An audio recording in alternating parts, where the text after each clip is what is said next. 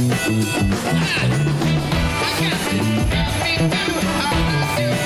this.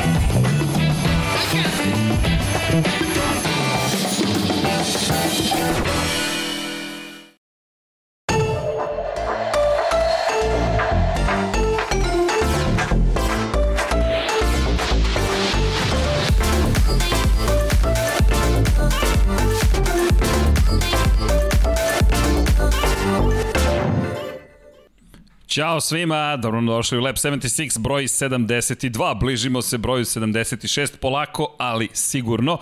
I brojevi više kao da nisu bitni, šalimo se, naravno da su veoma važni, broj 72, posvećenje Moto Grand Prix, kada je posvećen Moto Grand Prix, standardna posada, to je kapetani ovoga broda su Gospodin Dejan Potkonjak i moja malenkost Srđan Erceg Ćao. i bit ćemo vaši domaćini tokom ovog, nadamo se, spektakularnog izdanja. Zašto spektakularnog ljudi? 39 dana do početka sezone imam osjećaj, deki, kao da je Konačno se nešto dešava, ali sve odjednom. Da. Ali sve odjednom, da, da. da, nema čekanja. Se pauza, pauza, pauza, zatiši čuveno pred buru i onda sve krene.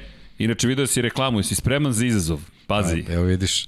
Ja sam počeo polako da puštam bradu, da imam šta da trimujem, da brijem, da sređujem. Mi smo se dogovarali, ja sam slučajan, ali dobro.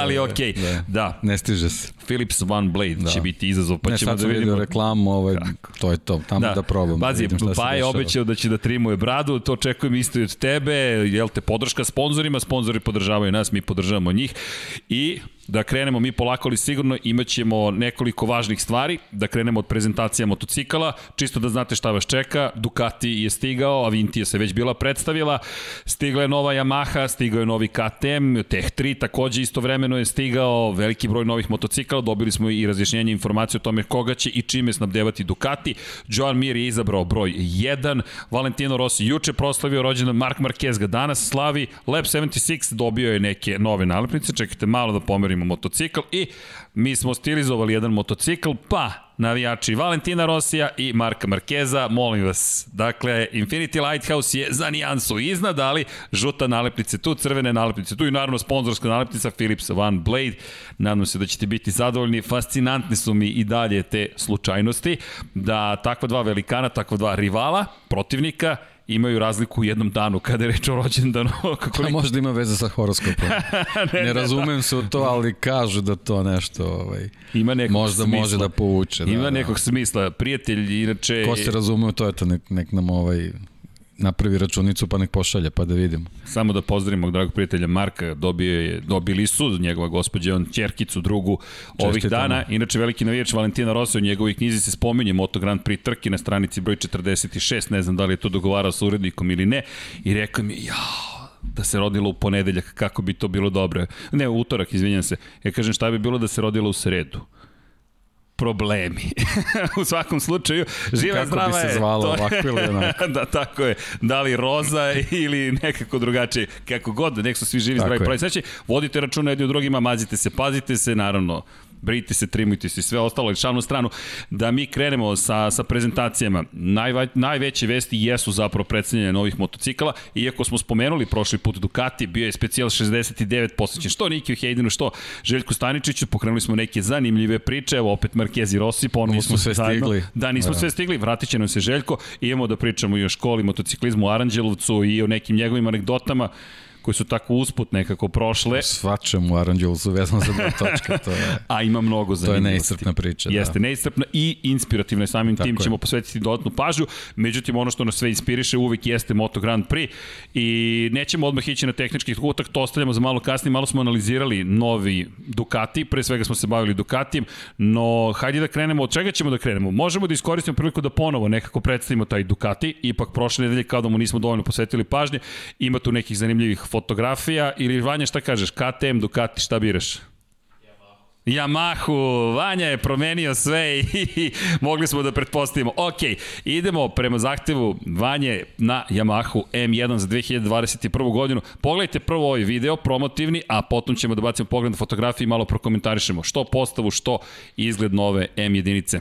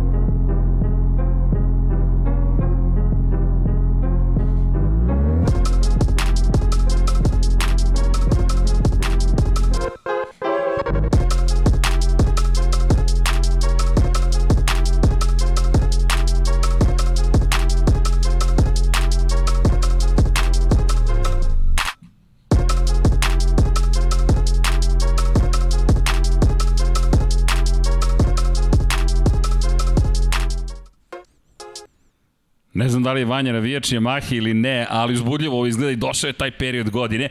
I znaš šta mi pada na pamet? 15. februar, prezentacija prve Yamahe posle toliko godina, posle skoro cele decenije bez Valentina Rosija, pa njegov rođendan, pa onda Markezov rođendan, sve tu nekako 15. Još da je bilo u Maleziji. Još da je bilo ja u Maleziji 18. Ja ne mogu, ne mogu toga, to da zaboravim, to mi je ovaj... Da.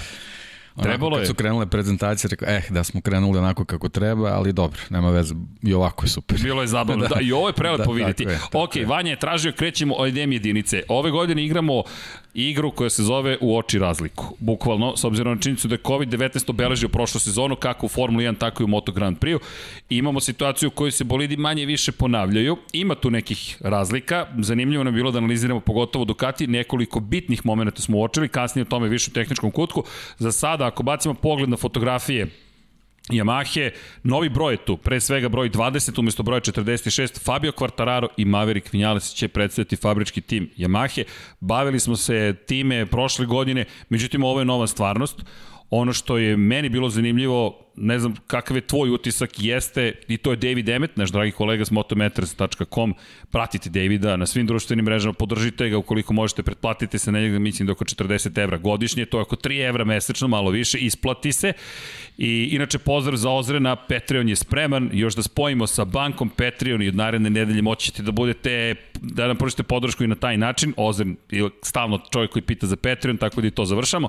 Ali da se vratimo na ovu Yamahu, mnogo se pričalo o Valentinu Rosiju, uprkos njegovom odsustvu, nekoliko, jedna izjava je dosta štrčala, Dom Pablo se baš time bavio, a to je Maverick Vinales izjavio da je ovo prva Yamaha koja neće biti podeljena i da je to najzad jedan tim, a ne praktično dva tima u okviru jednog, što je meni malo bilo, moram ti priznati, zbunjujuće i implikacija je dosta jasna da praktično odlaskom Valentina Rosija to sada postaje kompaktniji tim i da neće više biti dva smera razvoja motocikla.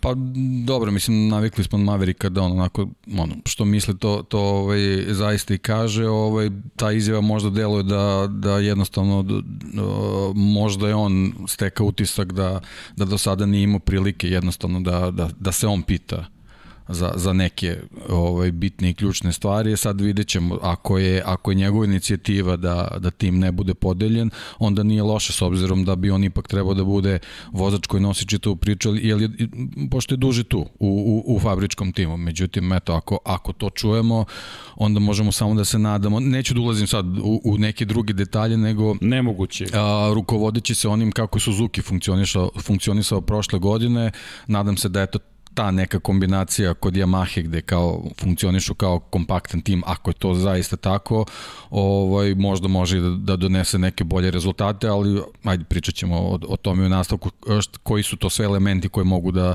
da donesu nekoj, nekoj bolje priči u, u sledećoj sezoni. Da, Maverick Vinales nekako stekao sam utisak da, da kao, moram ti priznati, meni komentar mi je bio više problematičan iz perspektive toga kao da time opravdavamo sve neuspehe koje smo ostvarili da, kao da neki loš đak otišao Tako. iz razreda i kao je sad ćemo biti super, sad ćemo sve da budemo odlikaši. I, da, e, i to me to podsjeća. To je malo, da. Znaš šta se podsjeća? Na Mavericka Vinjalesa da je uvek A. ista izjava. E, sad, kad da, sam nije baš morao da krene sezonu s tom izjavom. da, previše podsjeća pa, na prošle da, godine. Da, da. Seti se da. Mizana. E, sad ćete da vidite šta će da se desi. Šta? Ništa.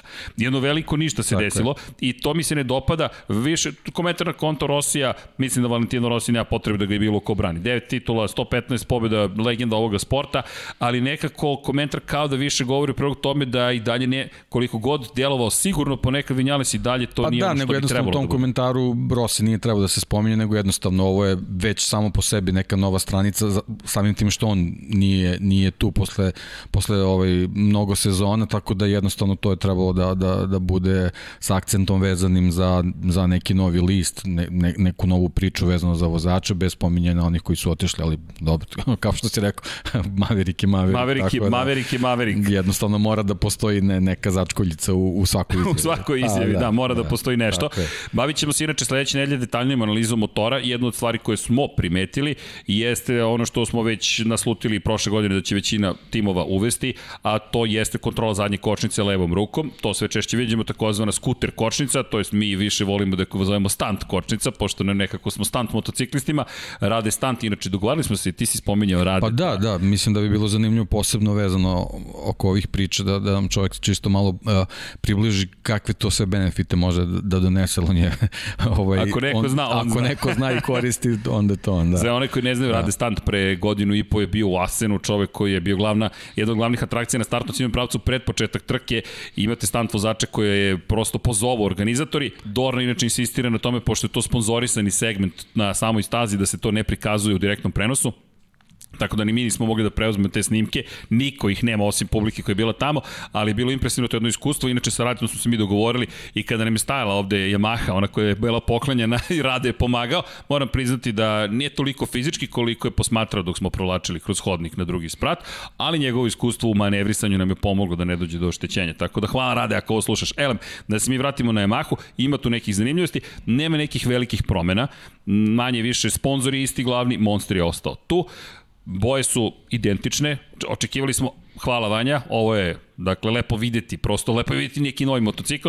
Mislim da na zadnjem blatobranu ima još manje površina, da se smanjuje težina. I prošle godine smo videli te isečke, možete obratiti pažnju na zadnji kraj, na gornjem delu da je još više zapravo odstranjeno ugljeničnih vlakana, inače aluminijumska zadnja viljuška je zadržana, pričalo se dosta o ugljeničnim vlaknima, međutim od toga za sada koliko možemo vidjeti neće biti ništa, naravno čekamo, izvinjavam se, da vidimo i konačno izdanje kada dođe vreme za prve testove, kao što si rekao, trebalo je da bude u Maleziji, za sada se to međutim pomera, ali ok, predstavljena je Yamaha, ne, ne zaboravimo, Valentino Rossi je 2004. godine stigao u Yamahu, do 2010. vozio za Yamahu, 2011. i 12. proveo u redovima Ducatija, 2013. godine se vratio u Yamahu i do 2020. godine bio fabrički član, to je član fabričke ekipe, jedini put kada u Moto Grand Prix karijeri nije vozio zvanično za, za fabrički tim, bilo je kada je stigao u šampionat 2000. te Nastro Azuro Honda, iako je imao punu podršku Honda, to je bio jedan privatni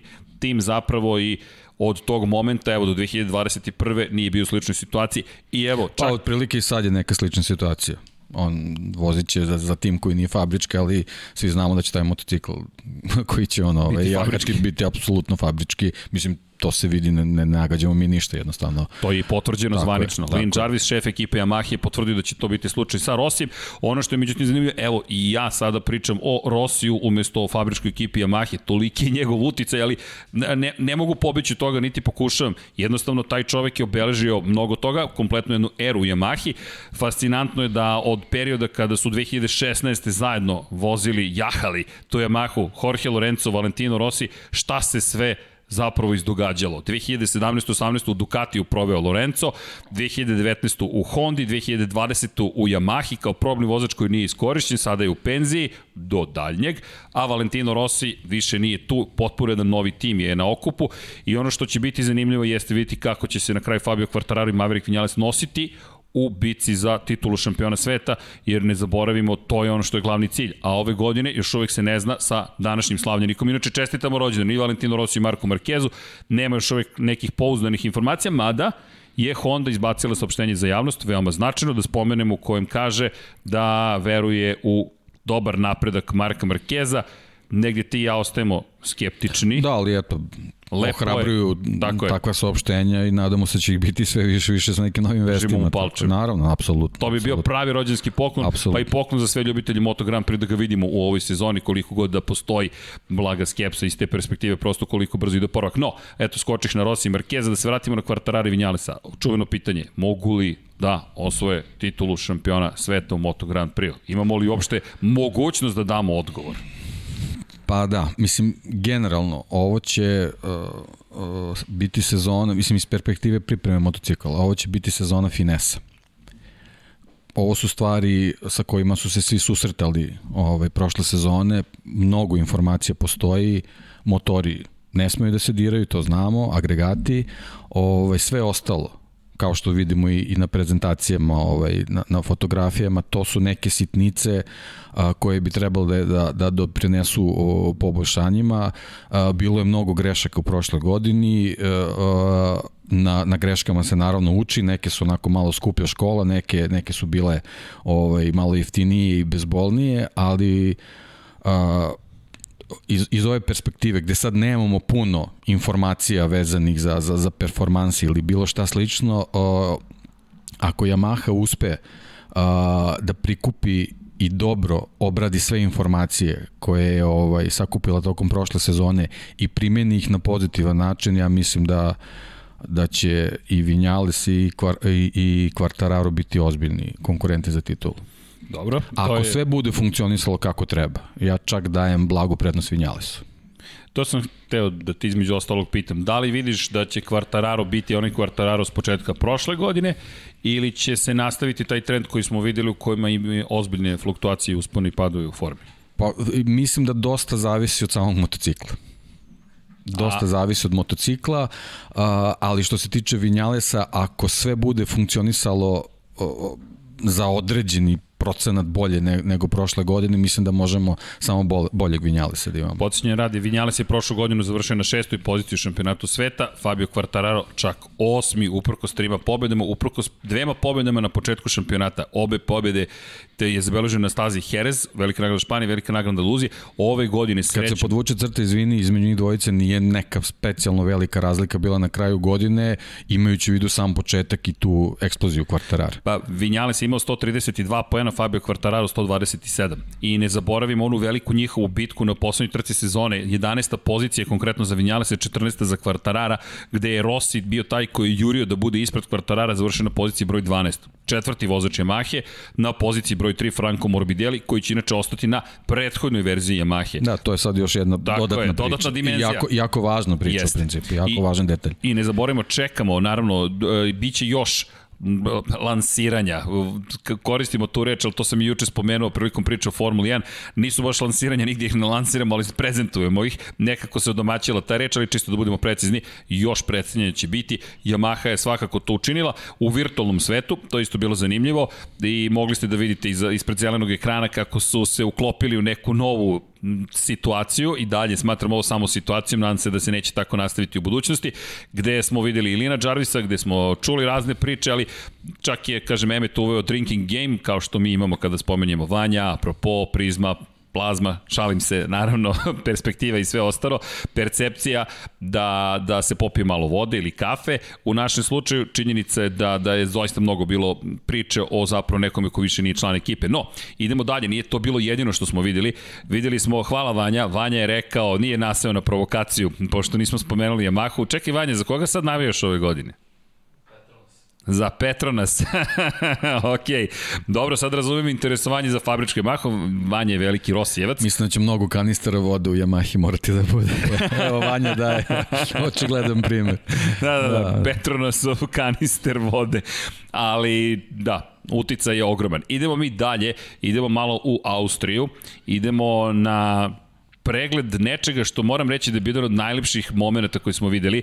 Naredne nedelje ćemo se baviti više i Yamahom, vidjet ćemo i RC16 sa novim KTM-om, ali barem da pogledamo fotografije KTM-a I ne znam ko lepše izgleda, ovo su motori Miguela Oliveire, s leve strane broj 88 i BBA, Breda Bindera sa brojem 33, stilizovani broj 33, Brigitte 2 BB. BB. Da, pogledaj kako to moćno izgleda. Da. Red Bull je ma majstor marketinga i znate kada se uradi fotografija da će to biti gotovo savršeno. Pre svega osvetljenje kakvo imaju i naravno postprodukcija je izvrsna. Ovo je čovek koji je prošle godine doneo prvu pobedu u istoriji KTM-a u Moto Grand Prix-u Brad Binder, impresivna vožnja u Brnu i spektakularni triumf, nije cijela godina tako izgledala, Binder na kraju bio 11, iako sam tipovao da može da bude čak i šampion, malo sam preterao, ali dobro, vidjet ćemo ove godine, međutim jedan od trojice Novajlije zajedno sa Aleksom Markezom i Kirom Lekonom i ono što, što bih tu napomenuo, da, i Tech 3, ne znam da li imamo mogućnost da vidimo i Tech 3, ako nemamo, verujem da će Vanja pripremiti, ali oh, Ovo je kakav udarac Vanja, da li je spremno, da li se ikada postavlja pitanje. Pogledajte kako ovo izgleda. Rekli smo mini specijal, emisija broj 72 o čoveku koji nosio broj 27. Veruj mi, deki, volao bi da se Casey sada ovde pojavi, Stoner, dvostruki šampion sveta, sedne na ovaj KTM i kaže Hold Izveze svoj prvi krug. Izveze prvi jedini najbrži kvalifikacioni krug da, na da, KTM-u. Da, da. Moćno izgleda broj 27. Iker Lekona nosi pa, ovaj broj. Znaš kako, meni ovaj, tek 3 KTM izgleda mnogo više fabrički motocikl nego fabrički motocikl KTM-a. Ovako ovim bojama stvarno, ovaj, stvarno gledaju impresivno i izgledaju, izgledaju yes. nekako robustnije od, od Yamaha. Yamaha je zadržala neku, neku onako elegantnu liniju, čini yes. mi se. Ovaj, ova krila su mnogo onako nekako uh, izdefinisanija vezana za, za, za neke uglove nego kod, kod Yamahe, tako da ovaj, tu su neke onako ključne razlike, imamo, vidimo tu neke sitne detalje, naravno, vezane za samu aerodinamiku, ovaj, kao što kažeš, ovaj, tu ima malo i marketinga, nadam se da će biti funkcionalno, tako da... Da, ali izvini, kada se dotičeš marketinga, samo kratko da uskočim, ovo je Tech 3 KTM Čisto da se razumemo, Tech 3 KTM, prošle godine je i Red Bull bio sponsor i prethodne i Red Bull je trebalo da bude sponsor svojim kola pićem, Ako možemo, Vanja, baci, baci nazad onu naranđastu boju, molim te, gori ekran kada pogledamo. Pogledajte vi ove boje. Ja sam potpuno raspamećen, oduševljen sam, pri čemu ovo je čisto krvni jedan KTM, da se razumemo, Tech 3 je francuski tim. Takozvani satelitski koji je potpisao ugovor sa KTM-om pre nekoliko godina odustao je od saradnje sa Yamahom, jer Yamaha nije žela da da fabrički motociklu satelitski tim. KTM je rekao dobit ćete najjače verzije naših motora. Pete Bayer je ponovio šef ekipe da čovek, uf, evo ga i Danilo Petrući nova posada, da to, to je mnogo, pravi mnogo stvari o kojima moramo je. da pričamo. Danilo da. Petrući, čekali smo i ovaj kadar sa brojem 9, Iker Lekona ostao u Teh trojici. Teh 3, međutim, zašto pričamo o marketingu, je ostao bez sponzorstva Red Bulla. Red Bull je odlučio da povuče to generalno sponzorstvo. KTM, koliko me oduševljava KTM je rekao, nema problema, mi ćemo da nadoknadimo razliku u novcu i mi ćemo biti taj finansijski sponsor. Međutim, to je dovelo do toga da ne samo što ima sada zaštitu finansijsku, da ima fabričke motore Tech 3, već i najlepši motocikl koji je potpuno fabrički Kažem, zapravo. Kažem, ja, ja kad sam vidio jednostavno, čekaj, ko je bre fabrički motocikl ovde. Tako da stvarno, ovaj, a, a, pritom znamo, već smo pričali o Tech 3 kao, kao ekipi organizaciji Ponšaralovoj ruci u čitoj priči, ja mislim da stvarno ovaj, moramo ozbiljno, ozbiljno da gledamo na njih. Da, dve pobede prošle da. godine s Miguelom Oliveirom, koji je otišao u fabričku da, ekipu. Pritom postoje naznake o, o produženju saradnje za sledećih pet sezona, kažu da je, da je jako blizu potpisivanje. su ruku, Da, da, da, da, da. Na Pa kažu da skoro neki 90% ugovora već prođeno i, i obe strane su se složile, znači još, još su neke finese pravne ovaj, praktično ovaj, još, još to ostalo da se reši i u, u sledećim nedeljama ćemo verovatno dobiti potvrdu nastavka saradnje, pošto znamo Ponšaral kad se veže za, za neki brend, to nije sezona 2, 3, kao idemo dalje, nego jednostavno priče na duge staze, on je stvarno pot, potvrdio kako, kako radi, kako radi čito ekipa i to je nešto što definitivno odgovara KTM-u Tako da ove boje i ovaj čitav nastup jednostavno potvrđuju koliko i oni njemu veruju, tako da a vozači su, sam si rekao, ovaj, to je sad jedna onako kombinacija iskustva, mladosti, talenta, može to da bude stvarno dobra da, priča. Da, RC16 delo je ponovo vrlo ozbiljno. Kada već govorimo o RC16, još da dodam jednu stvar, šta su dobili pored svega toga? Dobili su mogućnost da ukoliko se sutra pojavi novi generalni sponsor, KTM kaže nema problema, izvolite. Ostaje dalje taj fabrički motocikl, možda neke nove boje. KTM-u verujem da bi to bilo bolje, ali poštujem šta radi KTM. KTM je fascinantan kako kupuje, ne kupuje, kako stiče lojalnost što svojih saradnika, satelitskih timova, što šefova ekipe, pa i Danila Petruća. Mi smo učinili da budete bezbrižni, da radite na miru, Tako a je. na vama i vašim rezultatima i, i vašem marketinškom timu da, da popravite svoje finansijsko stanje, fenomenalno, stvarno, stvarno. Pravi kapa partner, kapa kažeš dole, to da. je partner i ono što ja mislim da će dobiti od Teh 3 i to je RV Ponšaral već rekao, sada se borimo za pobede. Prošle godine prva pobeda u istoriji na Red Bull ringu, ne zaboravimo, druga trka Miguel Oliveira, onaj spektakl koji nam je predaje prvi Portugalac koji je pobedio u istoriji Moto Grand Prix klase, kada je zabeležio drugu pobedu, to sada već postaje navika. Sad, sada se već navikavaš i Ponšaral je rekao, ove godine se borimo za pobede. Doveli su Danilo Petrućija, ima isti broj pobede kao Olivira, obe na Ducati, jedna po kiši, jedna po suvom, jedna u Muđelu, jedna u Lemanu, prošle godine u Francuskoj je zabeležio taj drugi triumf u karijeri. Petrući koji je, prema rečima Pita Bajrera, dobio punu podršku da bude Danilo Petrući. I da mu je navodno rečeno, ti radi i traži šta želiš od nas. Četiri identična motocikla. Kada dođe, kada se proizvede novi deo koji bi trebalo da bude unapređenje, Bayer je rekao, nevažno je da li je Tech 3 vozač, nevažno je da li je fabrički vozač, ko je prvi na tabeli u generalnom plasmanu, dobija delove fenomenalno pravilo. Pošteno. Pošteno. Pošteno. I ono što jeste fenomenalno u celoj priči, što mi eto imamo ne, ne, ne samo u rečima, već i u delima tu vrstu podrške. Kažem, potpuno sam raspamećen. Pravit ćemo poređenje sa prošlogodišnjim modelom, ono što vredi napomenuti, verujem, jeste da su u toku testovi, a da je na stazi i Dani Pedrosa, Dani Daniel Pedrosa, čovek koji testira u ovom momentu u Herezu, dobri su vremenski uslovi, na stazi nije samo Dani. Zadržali su drugog test vozača. Jeste. To... Ne smemo, znači, to da zaboravimo, znači Mika Kalio. Mika Kalio, to sam hteo da kažem. Mika Kalio koji ima ogroman, ogroman uticaj u razvoju čitavog tog motocikla, dok je Pedrosa, mislim da naravno ne, mogu da ne bi na taj sma, način neko pomislio da smanjujem njegov ovaj, znači on je jednostavno došao da, da taj motocikl fino našteluje i, i videli smo prošle sezone kako se to ovaj, ovaj odrazilo na, na, na rezultate. Naravno, ove godine neće imati mogućnost da u nedogled testiraju kao što su imali pravo ovaj, prošle godine, ali ja mislim da je baš zato važno da njih dvojica ostanu tu i da se, da se prilično slušaju. Koja je ključna razlika, samo to da napomenemo, jedini tim koji još uvek može, da imamo šest fabričkih timova, Ducati, već smo ga spomenuli, Yamaha već spomenuta, Hondu kroz Markeza smo negde spomenuli, KTM upravo prisustujemo predstavljanju, Suzuki šampionski, spomenuli smo i Mira i Aprilija. Aprilija je jedina koja još uvijek ima koncesije, to znači nekoliko stvari. Aprilija ima pravo da razvija motor i tokom ove godine, to je dok se ne dođe do situacije da dovoljno dobre rezultate ostvari, nadamo se da će se to dogoditi već u 2021. godini. I ono što je takođe koncesija za Apriliju, što fabrički vozači smeju zapravo da voze motore. I to je ono što je fenomenalno videti iz perspektive Moto Grand Prix-a da se pruža podrška Aprilije.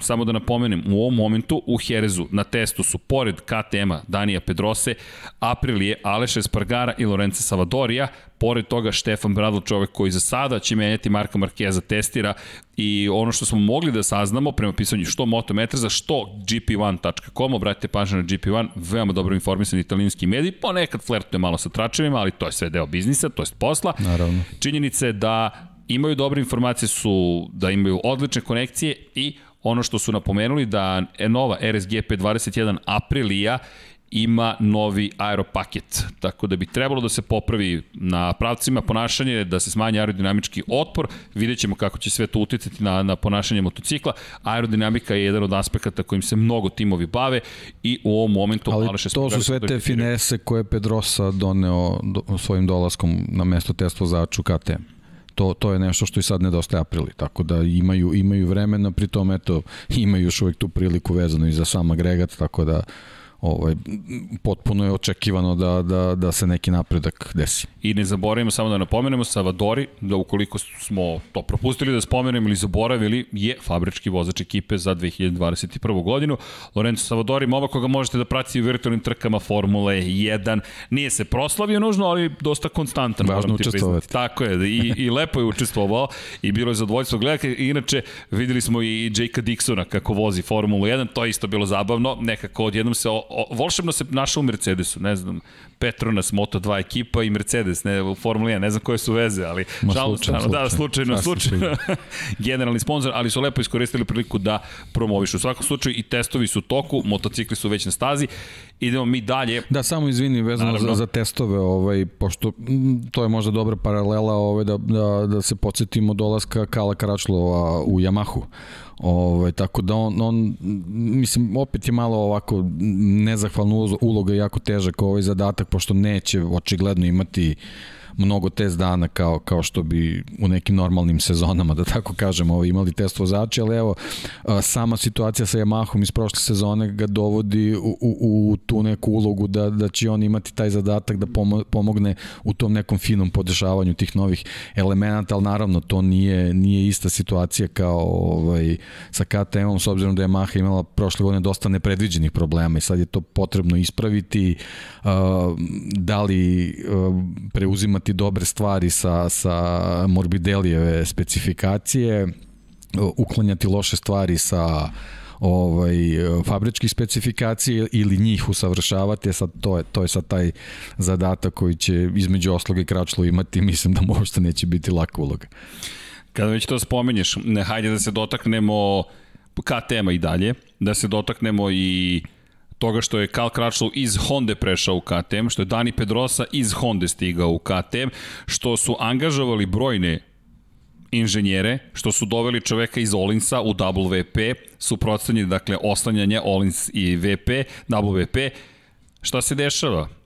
Prema pisanju i rečima Meta Uxlija, pa i gp1.com, ukoliko pratite jedni druge. Jenny Anderson, novo ime koje kruži padokom, to je zonom zašto Jenny Anderson, devojka koja je iz KTM-a prešla u Hondu.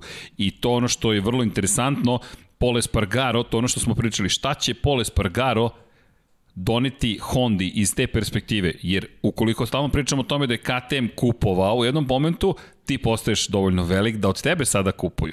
I KTM-ovi inženjeri su postali dosta traženi prema pisanju Meta Uxlija kao specijalnog gosta za Moto Meters, Honda je navodno angažavala dvojicu inženjera iz redova KTM-a i to će biti vrlo, vrlo, vrlo interesantno. Nemoj zaboraviti, on podsjeća na to. Jun Miyazaki je otišao iz Honda, došao u KTM i to je čovek koji je zajedno sa Shinju Matsumotom učestvovao u razvoju menjača, taj čuveni seamless gear shift koji je bio to je čuvena anegdota iz, iz Moto Grand Prix-a. Samo jedan čovek je ikada smeo da pogleda u menjač Honda.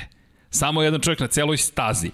I niko nije smeo da uđe u prostorije kada se bilo šta radi sa otvorenim menjačem. Menjač je bio najvažniji aspekt motocikla i odjednom vi angažujete čoveka koji učestvo bio duet koji stvara taj menjač i ode u KTM. I sad kako je KTM došao do toga Svako da... Svako zna šta im nedostaje.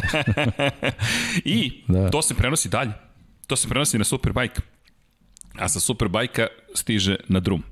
Tako I, i, I to je ta igranka. Ono što je fascinantno, kažem, je kako je neko ko je tu već godinama, od 2015. Andersonova je u redu KTM-a, odlazi sada u Hondu koja ima potpuno novu šasiju, navodno za 2021. Ima novog vozača u vidu Pola Espargara, sprema se za predstavljanje svog motocikla, ali bitka već traje. Inače, Dan Goodwin je angažovao Andersonovu i to sad, eto, su imena koja mi i tekako pratimo.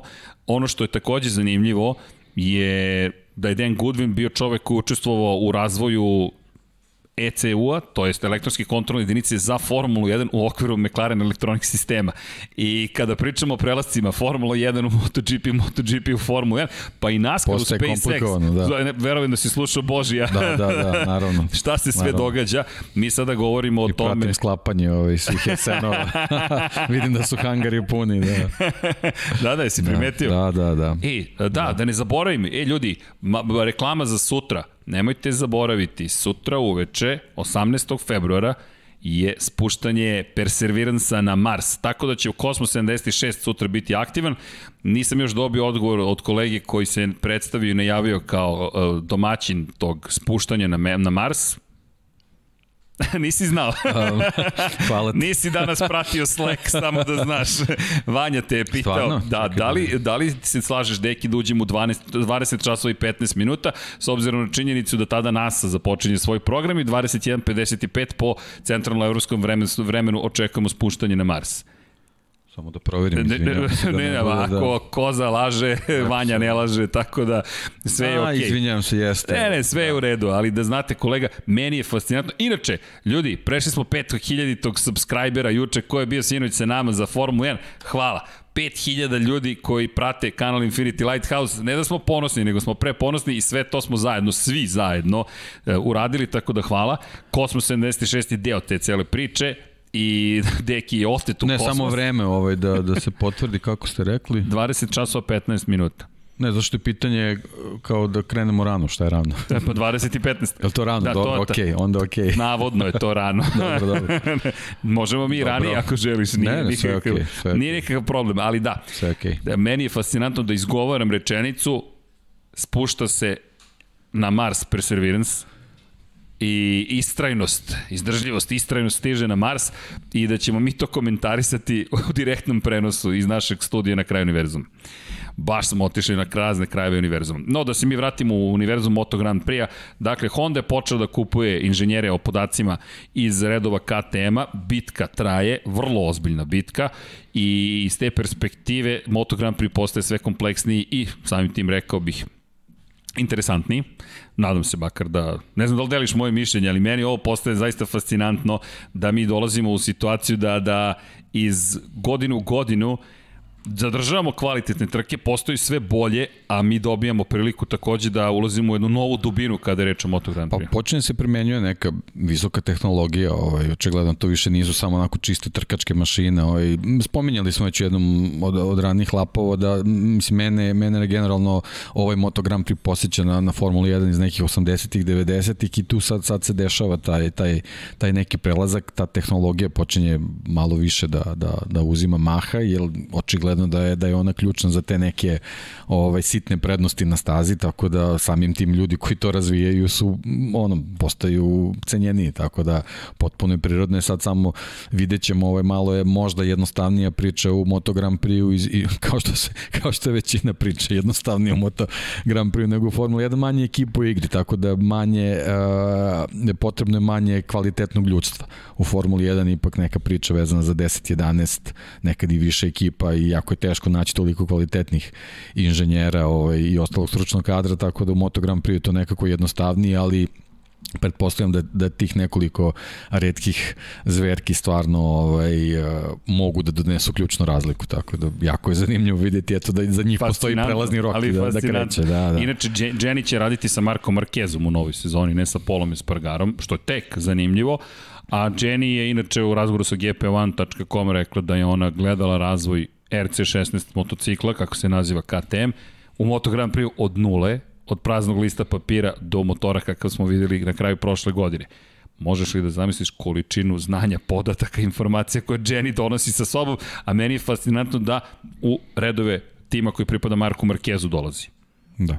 A pričali pa eto, smo o tome. Ovaj, do pre eto, desetak ovaj, godina osim vozača nismo nešto puno imena ovaj, mogli da spominjemo u Moto Grand Prix, sad sve više i više ovaj, osoba, eto nadam se da ćemo možda uskoro imati nekog našeg mehaničara tamo. Pa da, Radimo na tome, pa, da, čeka ekipa, pa, da. rekli smo ekipa Deki Moto 3, a onda ljudi da. sa ovih prostora i sa fakulteta direktno u naš tim, to jest vaš tim i onda ko zna gde idemo dalje. I onda te ljude posle angažuješ ponovo za neki tim koji će biti u Moto Grand Prix, tako u krug, tako se stvaraju, tako se sanje za početak, onda se tako i re, realizuje. No, imamo, idemo mi dalje, možemo i da ostanemo dugo na svakoj pojedinačnoj temi, međutim imamo ih dosta. Jedno od pitanja inače bilo i nešto što moram da napomenem, datumi predstavljanja novih motocikala. Ducati je 9. Janu, 9. februara, prostite, predstavio motocikl. Prvi ove sezone bio zapravo tim koji nema novi motocikl, ima stari motocikl, iskoristit ću priliku da, da posle o to malo više o tome pričam, ali Enea Bastianini, sponzorama VR46 Ducati i Luka Marini su predstavili motocikl još 5. februara. Zatim je došao fabrički tim Ducatija, samim tim je i Pramak mogao da nagovesti šta ga čeka, međutim Pramak će 25. februara predstaviti svoj motocikl, ali ajde da idem hronološki. Praktično predstaviti vozači. Tako je. KTM je 12. februara obavio svoj deo posla, Yamaha obavila svoj deo 15. februara. Mnogo pitanja je bilo za Petronas. U stvari treba reći, znači KTM i tek 3. Da, KTM, S obzirom da, da nemamo još Pramak i nemamo Petronas. Teh 3 i KTM da. zajedno su predstavili motocikle. Lucio Cecchinello Racing Honda imaće dva dana za predstavljanje. Najpre će Aleksa Marqueza predstaviti 19. februara. 20. februara Takaki Nakagami će biti predstavljen u na novom, prvi put na najsvežijem motociklu na novoj Hondi, predviđen RC213V je oznaka koja se stalno koristi kao M jedinica što se koristi kod Yamahe. Za Honda 21. vek, treće izdanje V motor, otud RC213V i Takaki Nakagami, dakle 20. februara. Zatim, 22. februara, Pole Spargaro, Mark Marquez će se pojaviti, Repsol Honda, to je Honda netrkačka korporacija, HRC predstavlja svoj motocikl, Petronas Yamaha, Franco Morbidelli Valentino Rossi 24. februara i onda dolazimo na pramak Ducati 25. februara Joan Zarko i Jorge Martin. Treba napomenuti da Suzuki još uvek za šampiona Joana Mira i Aleksa Rinsa nije saopštio kada će predstaviti novi motocikl, kao što nije ni Aprilia. Inače, Aleš Espargaro, potvrđen Lorenzo Savadori, poslednju informaciju koju smo imali da će biti Lorenzo Savadori, taj koji će voziti Apriliju RSGP 21 u 2021. godini, ali eto, za dva tima još uvek ne znamo kada će predstaviti motocikle čekamo, nemojte zaboraviti 6. i 7. mart su prvi dani za predsezonsko testiranje i onda 10. 11. i 12. u Kataru na istom mestu na kojem 28. marta očekujemo početak godine. Naredne nedelje, 7 dana kasnije, opet ćemo biti u Kataru, pre nego što dve nedelje kasnije odemo na veliku nagradu Portugaliju u Portimao i time otvorimo zapravo evropski deo sezone i onda krećemo standardno Jerez, Le Mans, Mugello, Barcelona, Saxon Ring i tako dalje i tako dalje. Po za sada stvari dobro izgledaju, motocikli moćno izgledaju, dobre su posade, dobre su ekipe, sve nekako, moram ti priznati, obećava, prosto obećava i, i, i radujem se, iskreno se radujem ono što, onome što nas čeka zapravo u 2021. godini, a kada govorimo o 2021. godini i mi uvodimo neke novitete, Lab 76, ovo je ipak, čekaj, 2019. je bila prva emisija, je li tako? 2020. 2021. Vidi kako se ređaju godine i dobro, nadam se da će ih biti puno. U svakom slučaju, šta smo mi uveli i nešto što ja se nadam da će postati sastavni deo emisije, ne post, siguran se da će biti sastavni deo emisije, ali će postati još veći aspekt onoga što radimo. To, se, to je nešto što mi zovemo tehnički kutak. Inače, sponsor tehničkog kuta nam je Philips One Blade ovoga puta, to je tokom naredne četiri nedelje i nadam se da ćete uživati. Malo smo se bavili analizom, na analizom čega? Pa Ducatija. I Vanja, možemo da bacimo pogled na tehnički kutak, šta smo to gledali? Hajde da krenemo od zadnjeg kraja. Obratite pažnju sa leve strane na GP20 i GP21 sa desne strane. Hvala inače Bogdanu i celoj ekipi. Rekli smo da ćemo pomeriti stvari u napred, da ćemo malo se pozabaviti nekim novim stvarima. Ovo je pogled na nešto što smo mi uočili kao najveću razliku na zadnjem kraju. Ako obratite pažnju na liniju koja je zamišljena, koja je iscrtana sa prethodnim izduvnim sistemom i ovim novim izduvnim sistemom, deki, ovo nije mala promena. Ovo delo je kozmetička, ovo je ozbiljna promena. Da, da, da, ovo je, mislim, kompletan, kompletan rep je potpuno drugačiji, vidi se.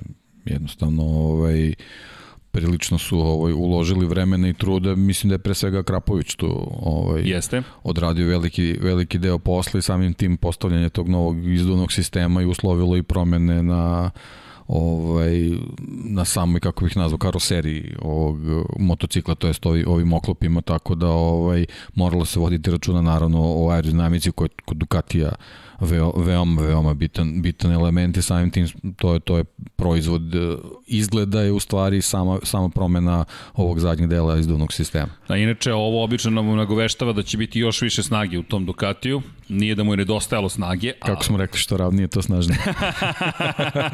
da, da, Bez ovo... bespotrebnih ovih krivina i, i, i uglova, tako da ovaj, deluje, deluje da, je, da je ovim uprošćavanjem, da tako kažem, ovog zadnjeg dela jednostavno da, da, da stiže još par nekih konjskih snaga od nekud. Da, ovo nije jednostavno. Da. Dakle, kao što si rekao, morate da izmenite praktično ceo zadnji kraj.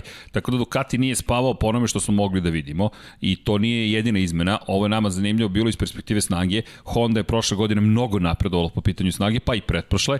Ducati je tu bio neprikosnoven. Videli smo i dalje na nekim stazama da Ducati ima taj inicijalni, taj grand, taj moment jednostavno povuče tu silu i da, da tu i dalje može da se ne drži rame rame, nego da drži prvu poziciju. Maksimalna brzina takođe uglavnom pripadala Ducatiju i ovo delo je kao da italijanska fabrika iz Bolonje kaže ne, ne, ne, ne, mi moram da napomenem koja je italijanska fabrika, pošto imamo jednu iz Noale, ja, Apriliju, ali to je, to je velika izmena, tako da će nam to biti vrlo interesantno za praćenje, pratit ćemo predsezoni maksimalne brzine, vidjet ćemo naravno kako se šta dešava. Ovo, hvala Vanja, hvala i Bogdanu, je jedna od, jedna od većih promena koje smo videli na prednjem kraju. Sa leve strane Andrea Dovicioza 0.4, sa desne strane Francesco Banjaja 63. Međutim, Deki, ovo je opet velika promena. Poredili smo inače ne samo sa predstavljanjem prošlogodišnjeg motocikla, u, na početku 2020. godine i očigledno sa početka 2021. GP21, Međutim, pogledali smo i fotografije iz Portugalije. Ista oplata je korišćena i na poslednjoj 14. trci šampionata, kao i na početku godine. I opet, velika promena je ovde u pitanju. Pa meni deluje ovaj, da o, nije samo kozmetička izmena, da bi sad to izgledalo sve moćnije ili ne znam šta, nego stvarno mi deluje da, da se dosta radilo na posebno ovom donjem, donjem delu ovaj, zakljica da vidimo da, da je velika promena da je on kasnije uslovio i, i ove izmene na, na, na ovim, na ovim uh, gornjim delovima, tako da mislim vidjet ćemo, pre svega je bitno kad, kad taj motocikl izađe na stazu da vidimo kako će vozači da se, da se osjećaju, ovaj, ali čini mi se da ovo može da bude neko konačno rešenje. Naravno, ovaj, aerodinamičke izmene moće da se primenjuju tek od trenutka kad, kad ovaj, krenemo u novu sezonu, pa ćemo videti da li, da li, da li će ovo voditi ka nekom konačnom rešenju, kao što sam rekao, ili, ili ćemo ovaj, možda kad krene sezona dobiti i, i ne, neko drugačije, ovaj, neku drugačiju formu. Da, me, me, meni je ovo jedan od važnijih momenta takođe, jer kada gledamo, bavimo se snagom na zadnjem kraju, ovde možemo da se bavimo smanjenjem aerodinamičkog otpora. Dakle, ovde vidimo manje aerodinamičke površine, kao što si rekao, možemo da vidimo da nastavljaju vrlo kompleksno to krilo da prave, sve ono što si rekao So i mislim da ćemo videti Ducati kako zapravo postiže neke rekordne brzine u ovoj sezoni.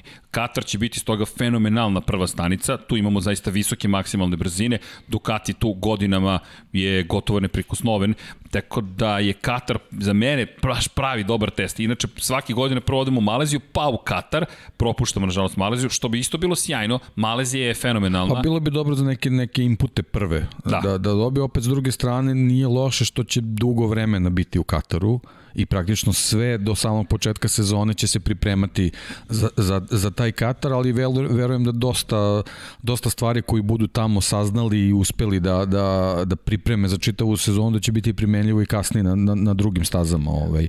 Tako da u principu možda nije loše što sve imamo što sve imamo u Kataru, jedno što eto bilo bi lepo da već danas sutra pričamo pričamo o motociklima na stazi, ali dobro, jednostavno takva je situacija i, i ako je već moralo eto da da da budu da da dođe do nekih promena da da se dese ovaj da se prilagođavamo situaciji onda je dobro što će se sve dešavati u Kataru. E, pro, prošle godine nismo imali trku u Kataru, nemoj zaboraviti. Da. Ni Moto, Moto Grand Prix, Moto trojke, Moto dvojke jesu vozila. Da. Ali ni, ni jednog momenta nismo dobili tu priliku da vidimo šta u Kataru e, se, se moglo uopšte desiti. Znamo da je Andrea Doviciozo to bio neprikosnoven praktično. Ako se vratimo dve godine unazad, neverovatno, 23.000 dela sekunde ispred Marka Markeza je završio tu prvu trku sezone. Spektakl smo pa, imali. Znaš kako vidi da smo imali tu trku ko zna da li bi oni nesrećni spletovi okolnosti nas kasnije zadesili. A, a pazi, ta trka 2019. velika nagrada Katara u Losailu posle 22 kruga, to je 118 km, 118,36 km, mi u šest desetinki, u šest desetinki imamo pet vozača.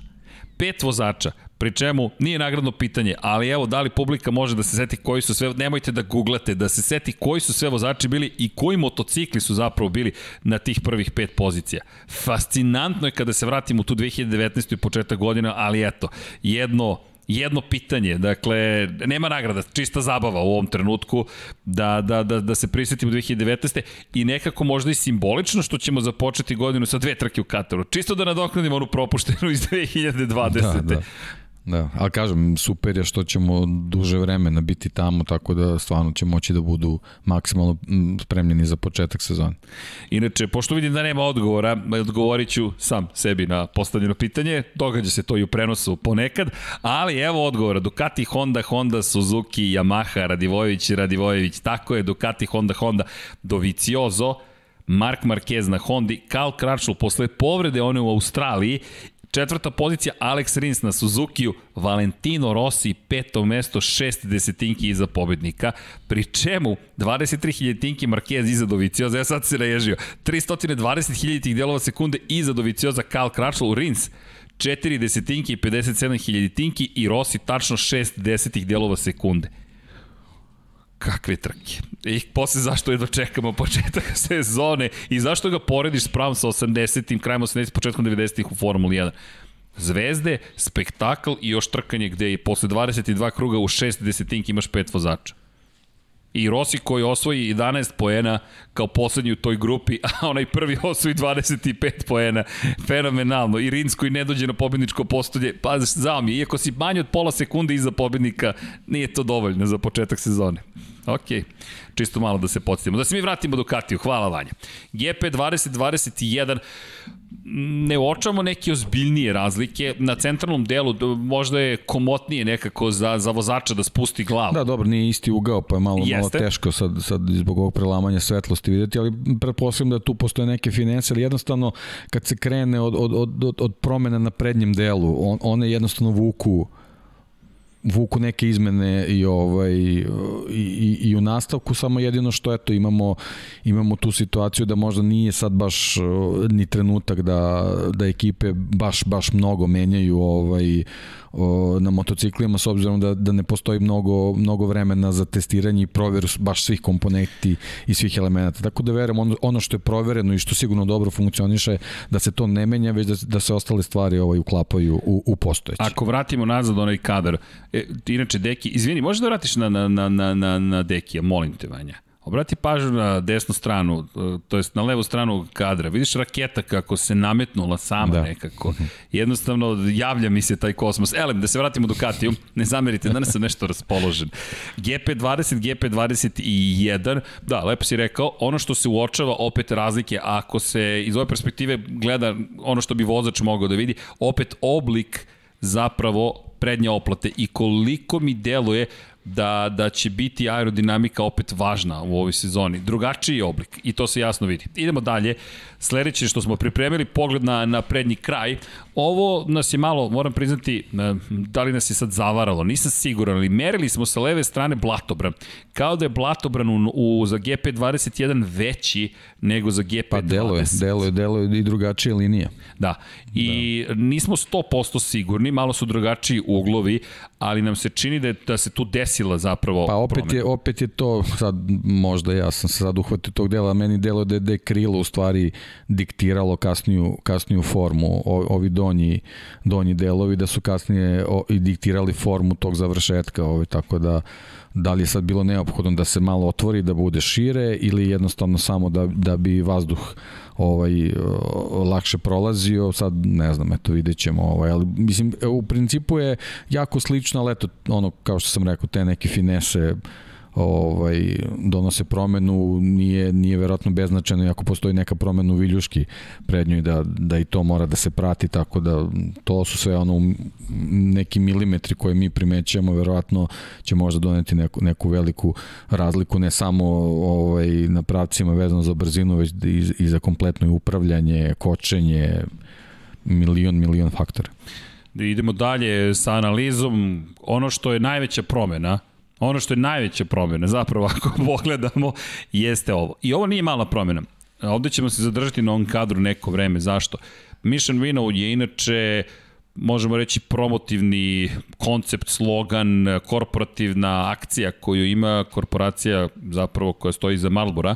Govorimo o Philip Morris, kompaniji koja će nastaviti da sponzoriše Ducati, međutim s obzirom na činjenicu da su to negde ostaci duvanske uh, ere praktično, što u Formuli 1, što u motociklizmu, Mission Winnow je način bio da Philip Morris ostane prisutan. Zašto inače toliko novca daju korporacije poput duvanske industrije u sponzorisanje i promovisanje Moto Grand Prix i Formule 1? Postoji jedan veliki aspekt koji se ne vidi toliko, ali za koji neću da, kažem, da garantujem baš, ali mogu da kažem sa prilično velikom sigurnošću 99% ljudi uživa u tom aspektu, a to su VIP gostovanja samim trkama. Sve ok, sve je super ovaj, što kažeš, ali jednostavno moj apel za, za čitavu kompaniju da promene slogan, jer od trenutka kad se pojavilo na Ducatiju i na Ferrariju nešto nije baš sa tim, da nešto mora sad i odmah, nekako nije baš dobro ovaj, profunkcionisalo, tako da eto, malo šale da ubacimo, ovaj, mislim da taj slogan nešto, da je bio baksuzan prilično, tako da, da, da, da je vreme, da. Drugu, si pa eto, puta. čisto sam ovaj, on,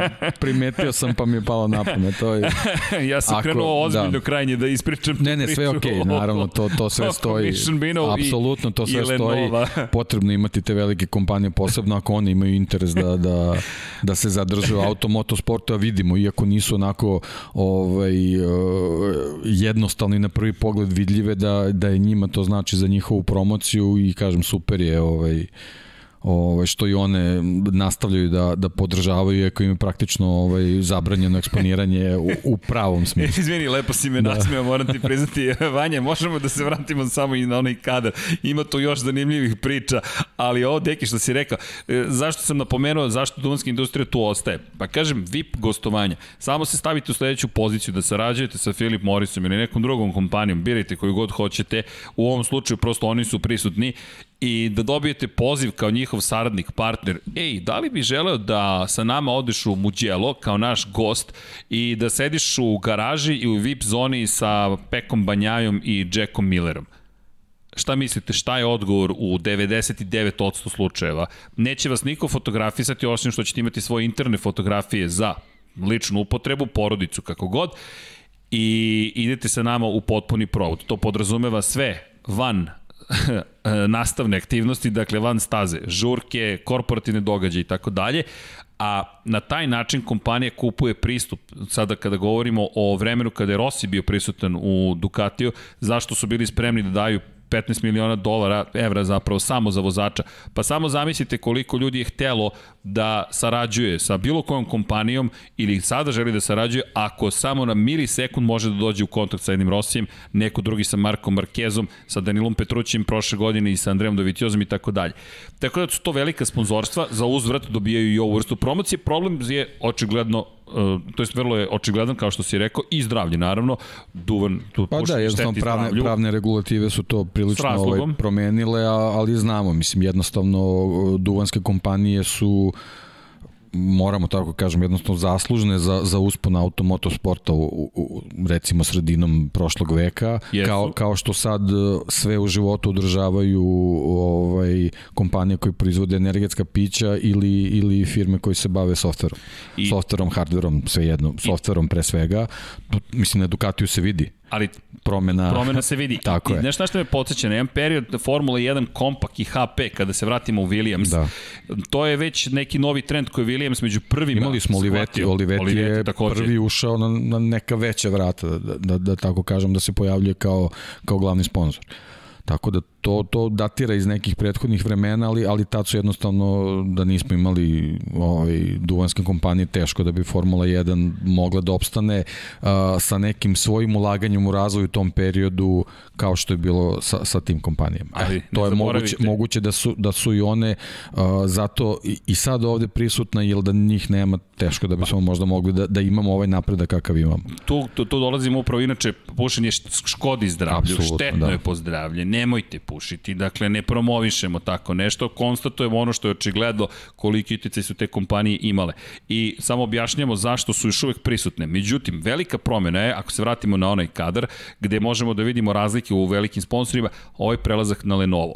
Fenomenalnu analizu je uradio David Emmet za Motometres, standardno naravno, i ono što me oduševlja kod njega, David Emmet nije čovek koji prenosi vesti. Imate kod njega vesti. Njemu je vest osnova za kvalitetnu i ozbiljnu, duboku analizu. Stoga vam toplo preporučujem da ga pratite. Ono što je istakao jeste i suština negde velike promene. Lenovo, kao trenutno zvanično kineski gigant, informacione tehnologije. Zašto spominjem Williams?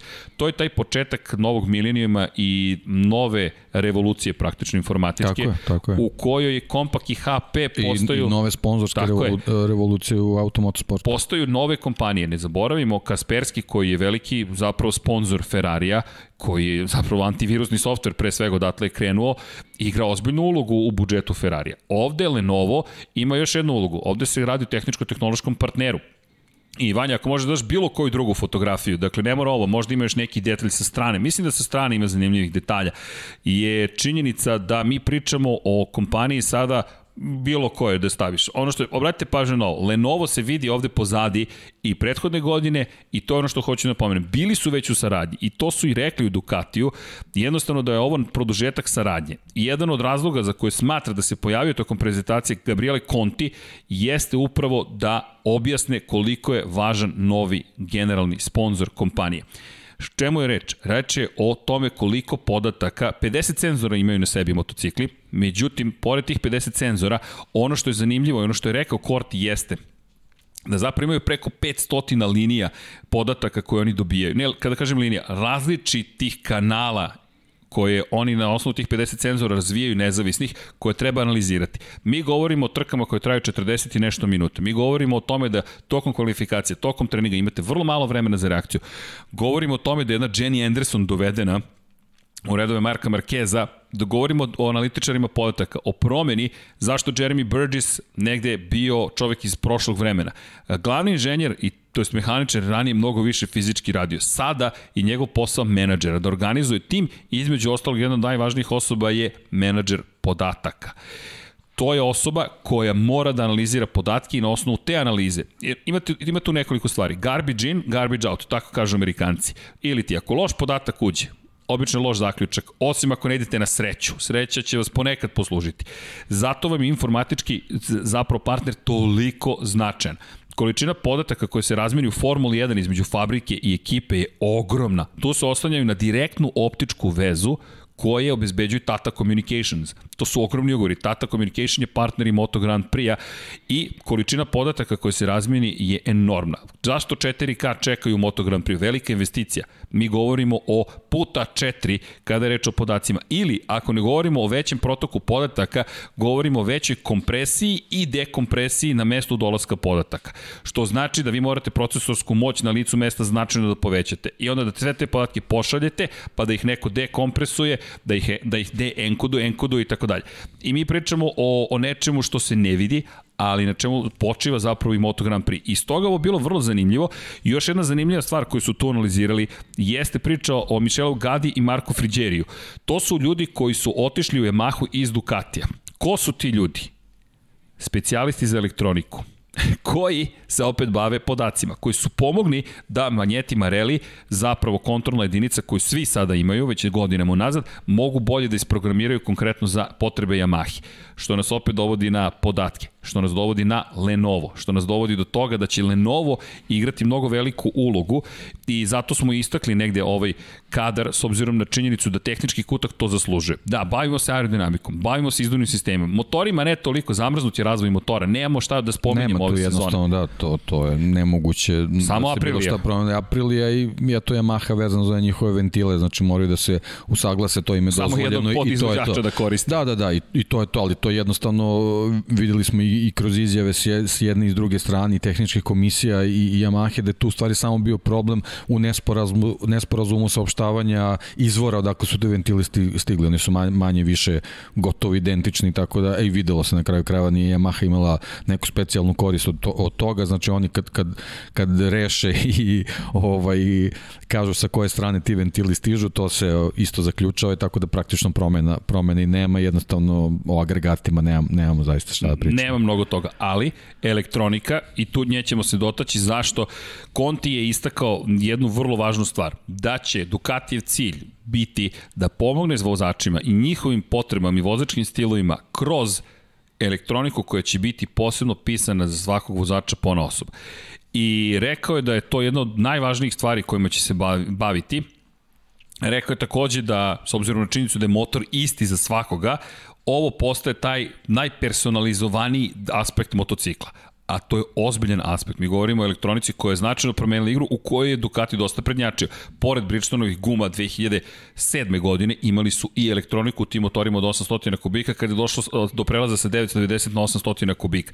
Tako da je za njih veoma važno sve ovo što se događa kako bi mogli opet da pomognu vozačima da što brže obrade podatke i pomognu im da naprede motocikl. Da, e, ja bih sad tu samo dodao sve to što si naveo, to je nekih možda će da pretjeram, ali recimo 98% sklapanja čitave priče, a, a za ona 2% je potrebno dovesti nekog Danija Pedrosu. E sad, i to, tu je sad taj neki moment vezan za ljudstvo kod Ducatija, koji, eto, možda, možda čitava priča nije, nije zatvorena. Po meni mislim da je priča oko testozača morala da bude malo ozbiljnija. Da li sam ti rekao da si genije skoro? Nisi, hvala ti. Genije si. Vanja, možeš još jedan da nam daš kadar koji smo izdvojili za sam kraj. Šta je, ovo deki nije znao da smo spremili, šta je ključno u promenama između 20. i 21. Obratite pažnju. Andrej Doviciozo, Danilo Petrući, Francesco Banjaja, Jack Miller. Kao što si rekao, 2% se ovde na ovim fotografijama nalazi. Pronađi Da, možda, 2%. možda sam suviše malo ovaj, postotka dao, ali... Ovaj, Ovde je više, 20%, da. ali ok, mislim da, da sviđa mi se slično razmišljamo, ali ovo jeste ono što je ključna stvar. Dakle, promenjena je posada u potpunosti uz Lenovo, uz sve promene, uz Contija, uz sve što će da stvore. Da li je ovo posada koja će da bude sastavni deo tog tehničkog kutka? A, ne znam, ali znamo i videli smo jednostavno prošle godine nije funkcionisalo. To je, to je činjenica, ovaj, to smo jednostavno morali da, da promenimo, ovaj, oni su to uradili, sad da li je to način da se radi, to je sad neka, neka druga priča, započenjali smo je, pričali smo je, ovaj, ali u svakom slučaju znači dobijamo, dobijamo novu posadu, dobijamo ekipu koja, koja se poznaje, koja je na okupu kažem, eto, meni, meni u čitoj priči ovaj, mislim da, da su trebali da porade da, da neko bude tu uz, uz Emanuele Pira ili, ili da njega zamene. Jednostavno mislim da je to neki, neki segment gde nisu možda dobijali kompletan feedback kakav su očekivali. On je super vozač, sve ok, sve je super, ali mislim da jednostavno da su tu morali da, da porade malo više, da, da dođu do do nekoga sa više iskustva. Sad ne znam kako da upakujem ovu rečenicu, ko bi to mogao da bude. Jorge Lorenzo. Pa Evo, dobro, ja na primer, da, na primer, na primer Jorge Lorenzo, ovaj, ali jednostavno mislim da, da kad kreneš u u takvu neku priču koja naravno u ovom trenutku ne može da bude radikalna ili jednostavno propisi ne dozvoljavaju da, da, da u, u sezoni pred nama to tako bude i nešto što možeš da promeniš moraš da uradiš. Eto, to je, to je on, to je, to je neki moj zaključak i kad sam video čitao ovu priču oko, oko predstavljanja i kad sam video da, da će Piro biti taj koji će sesti na shakedownu na taj motocikl, tu, mi je, tu sam primetio šta mi u stvari smeta. Eto, to je, to je neki, neki moj zaključak. Insight da. na sve ovo što smo videli. Inače, tehnički kutak, re, malo, malo pre sam rekao, postaće još sastavniji deo Lab 76, ne znam odakle mi ta bizarna rečenica, ali čujte, program ide uživo, ovakve stvari se događaju, inače tehnički kutak powered by One Blade, iskoristit ću priliku, zašto smo to nekako spojili, pa naravno i za sve one koji nas slušaju, malo audio Jel te, nije čak ni promocije, mi pričamo o tehnici tehnologiji. I pričali smo One Blade, Formula 1, MotoGP, ja imamo Moto3, Moto2, Moto1 nemamo, ali to je to, MotoGP je upravo to. I šta smo rekli, ovo nije brijač, ovo je One Blade, ili ti, novi način trimovanja, oblikovanja i brijanja bilo koje dužine brade. Tako da, deki, gledam tebe prvo. Testirat ćemo. Testirat ćemo. Shakedown prvo moramo jedan je. da uradimo. Slušaj pa... šta sve ima od tehnologije. Pa da, Zamenjive pa da. oštrice koje traju do 4 meseca. Vodootporna drška za mokru ili suvu upotrebu. Sve u skladu sa, sa našim sportom. Tri češlje za trimovanje. 1, 3 i 5 mm, dugotrajna baterija 45 minuta korišćenja, dakle mogu da se brijem celu MotoGP trku U pakovanju se nalazi dodatna oštrica za verziju QP2520 kroz 30. U QP2520 kroz 20 nema te dodatne oštrice. Inače, trimuje, podrezuje, brije, radi sve da tako Ištovanje će da uradi jedan print screen meni sad i ovaj, za sledeću ovaj nedelju, pa ćemo ovako kao što smo poredili GP20 i 21 da porediš moju bradu. Deki, osa, Deki, februar 17, Deki, februar 24. Da. Znači ja sam ovaj piro, je tako? DP, Deki potkonjak, da. to, to će biti verzija. Sam ja malo preko Emanuele Piro. Moram sam rekao priznati. Michele Pirijao, katastrofa, Mogu, ali nema Ne mislim veze. da si rekao Michele. Nadam se, nego da zato što mi je sad Emanuele u glavi.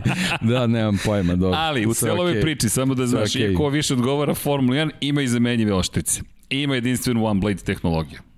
Da, to izgleda kao, kao krilca napred na Ducati. Pa, to, da, to. zato jeste sponsor tehničkog kutka koji će, da se citiram u tom treći, drugi put rogobatnom izdanju, postati još sastavni deo Lab 76, čime zaključujemo tehnički kutak.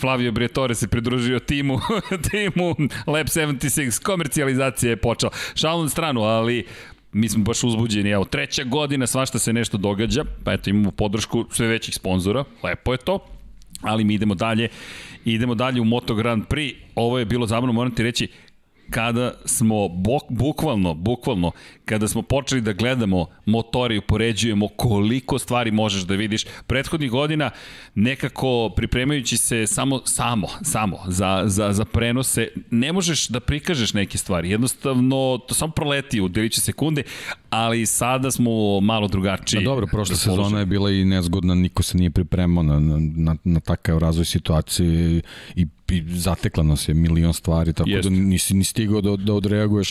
Sećam se kad smo radili one, one prve analize, kad se to smenjivalo iz, iz nedelju u nedelju, ne znaš ni šta se analizira od prošle trke, već moraš da pričaš o nekoj najavi sledeći, naravno kad se ono, pogase mikrofon iskapiramo da milion stvari nismo ispomenuli, tako da sad je, sad je nekako, ovaj, kao, kao što mi već znamo šta, šta, ovaj, šta nas čeka, kako da se pripremimo, mislim da tako i ekipe ovaj, to na, na sličan način mogu da funkcionišu i zato se nadam da ćemo imati ovaj, mnogo, mnogo iznenačenja i bolje trke, bar, bar što se tiče performansi i izdanja određenih uh, timova i vozača koji su možda malo razočarali prošle godine. Mislim da će biti iznenačenija borba.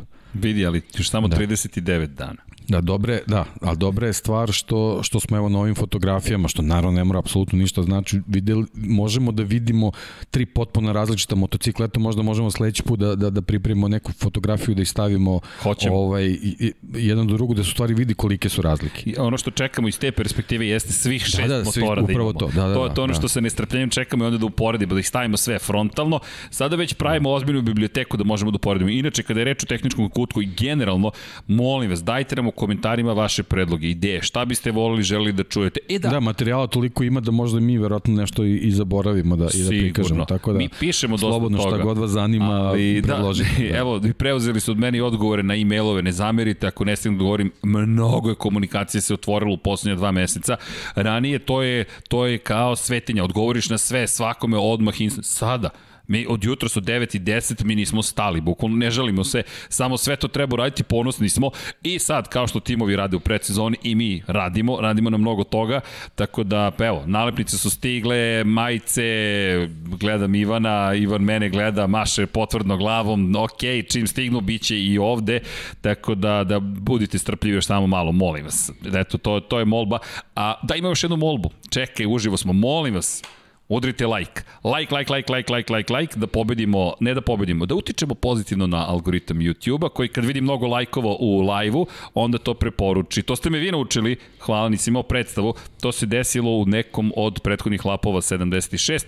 Lajkujte ljudi i onda će YouTube to da pogora. Ka šta dobijemo time? Pa, veća gledanost, više ljudi zna, povećava se zajednica, više se zabavljamo, bar se nadamo i tako dalje. Kritikujte takođe, trudimo se da, da razumemo kritike što je bolje moguće dalje da napredujemo.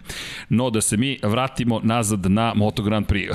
Gde ćemo sada dalje? Hoćemo malo na vozače da se prebacimo? Pa, da, mislim, mislim da bi bio red. Primetio sam da kad radite Formula 1 da pričate dosta o vozačima, da je Moto Grand Prix samo motocikli, motocikli, motocikli. Ali dobro, možda je, možda je to... Ovaj... Stvarno? Pa da. Moram ti reći da, to ja nisam primetio. Ja to sa strane malo gledam. Pa ne znam, evo mogu ljudi da, da ne, gledaju ne, ne, komentarima. Ne, ne, da. ne, to je super informacija. Da. To znači da u Formula 1 moramo više da se bavimo bolidima, to smo počeli da uvodimo da, tehničkim da. kutkom.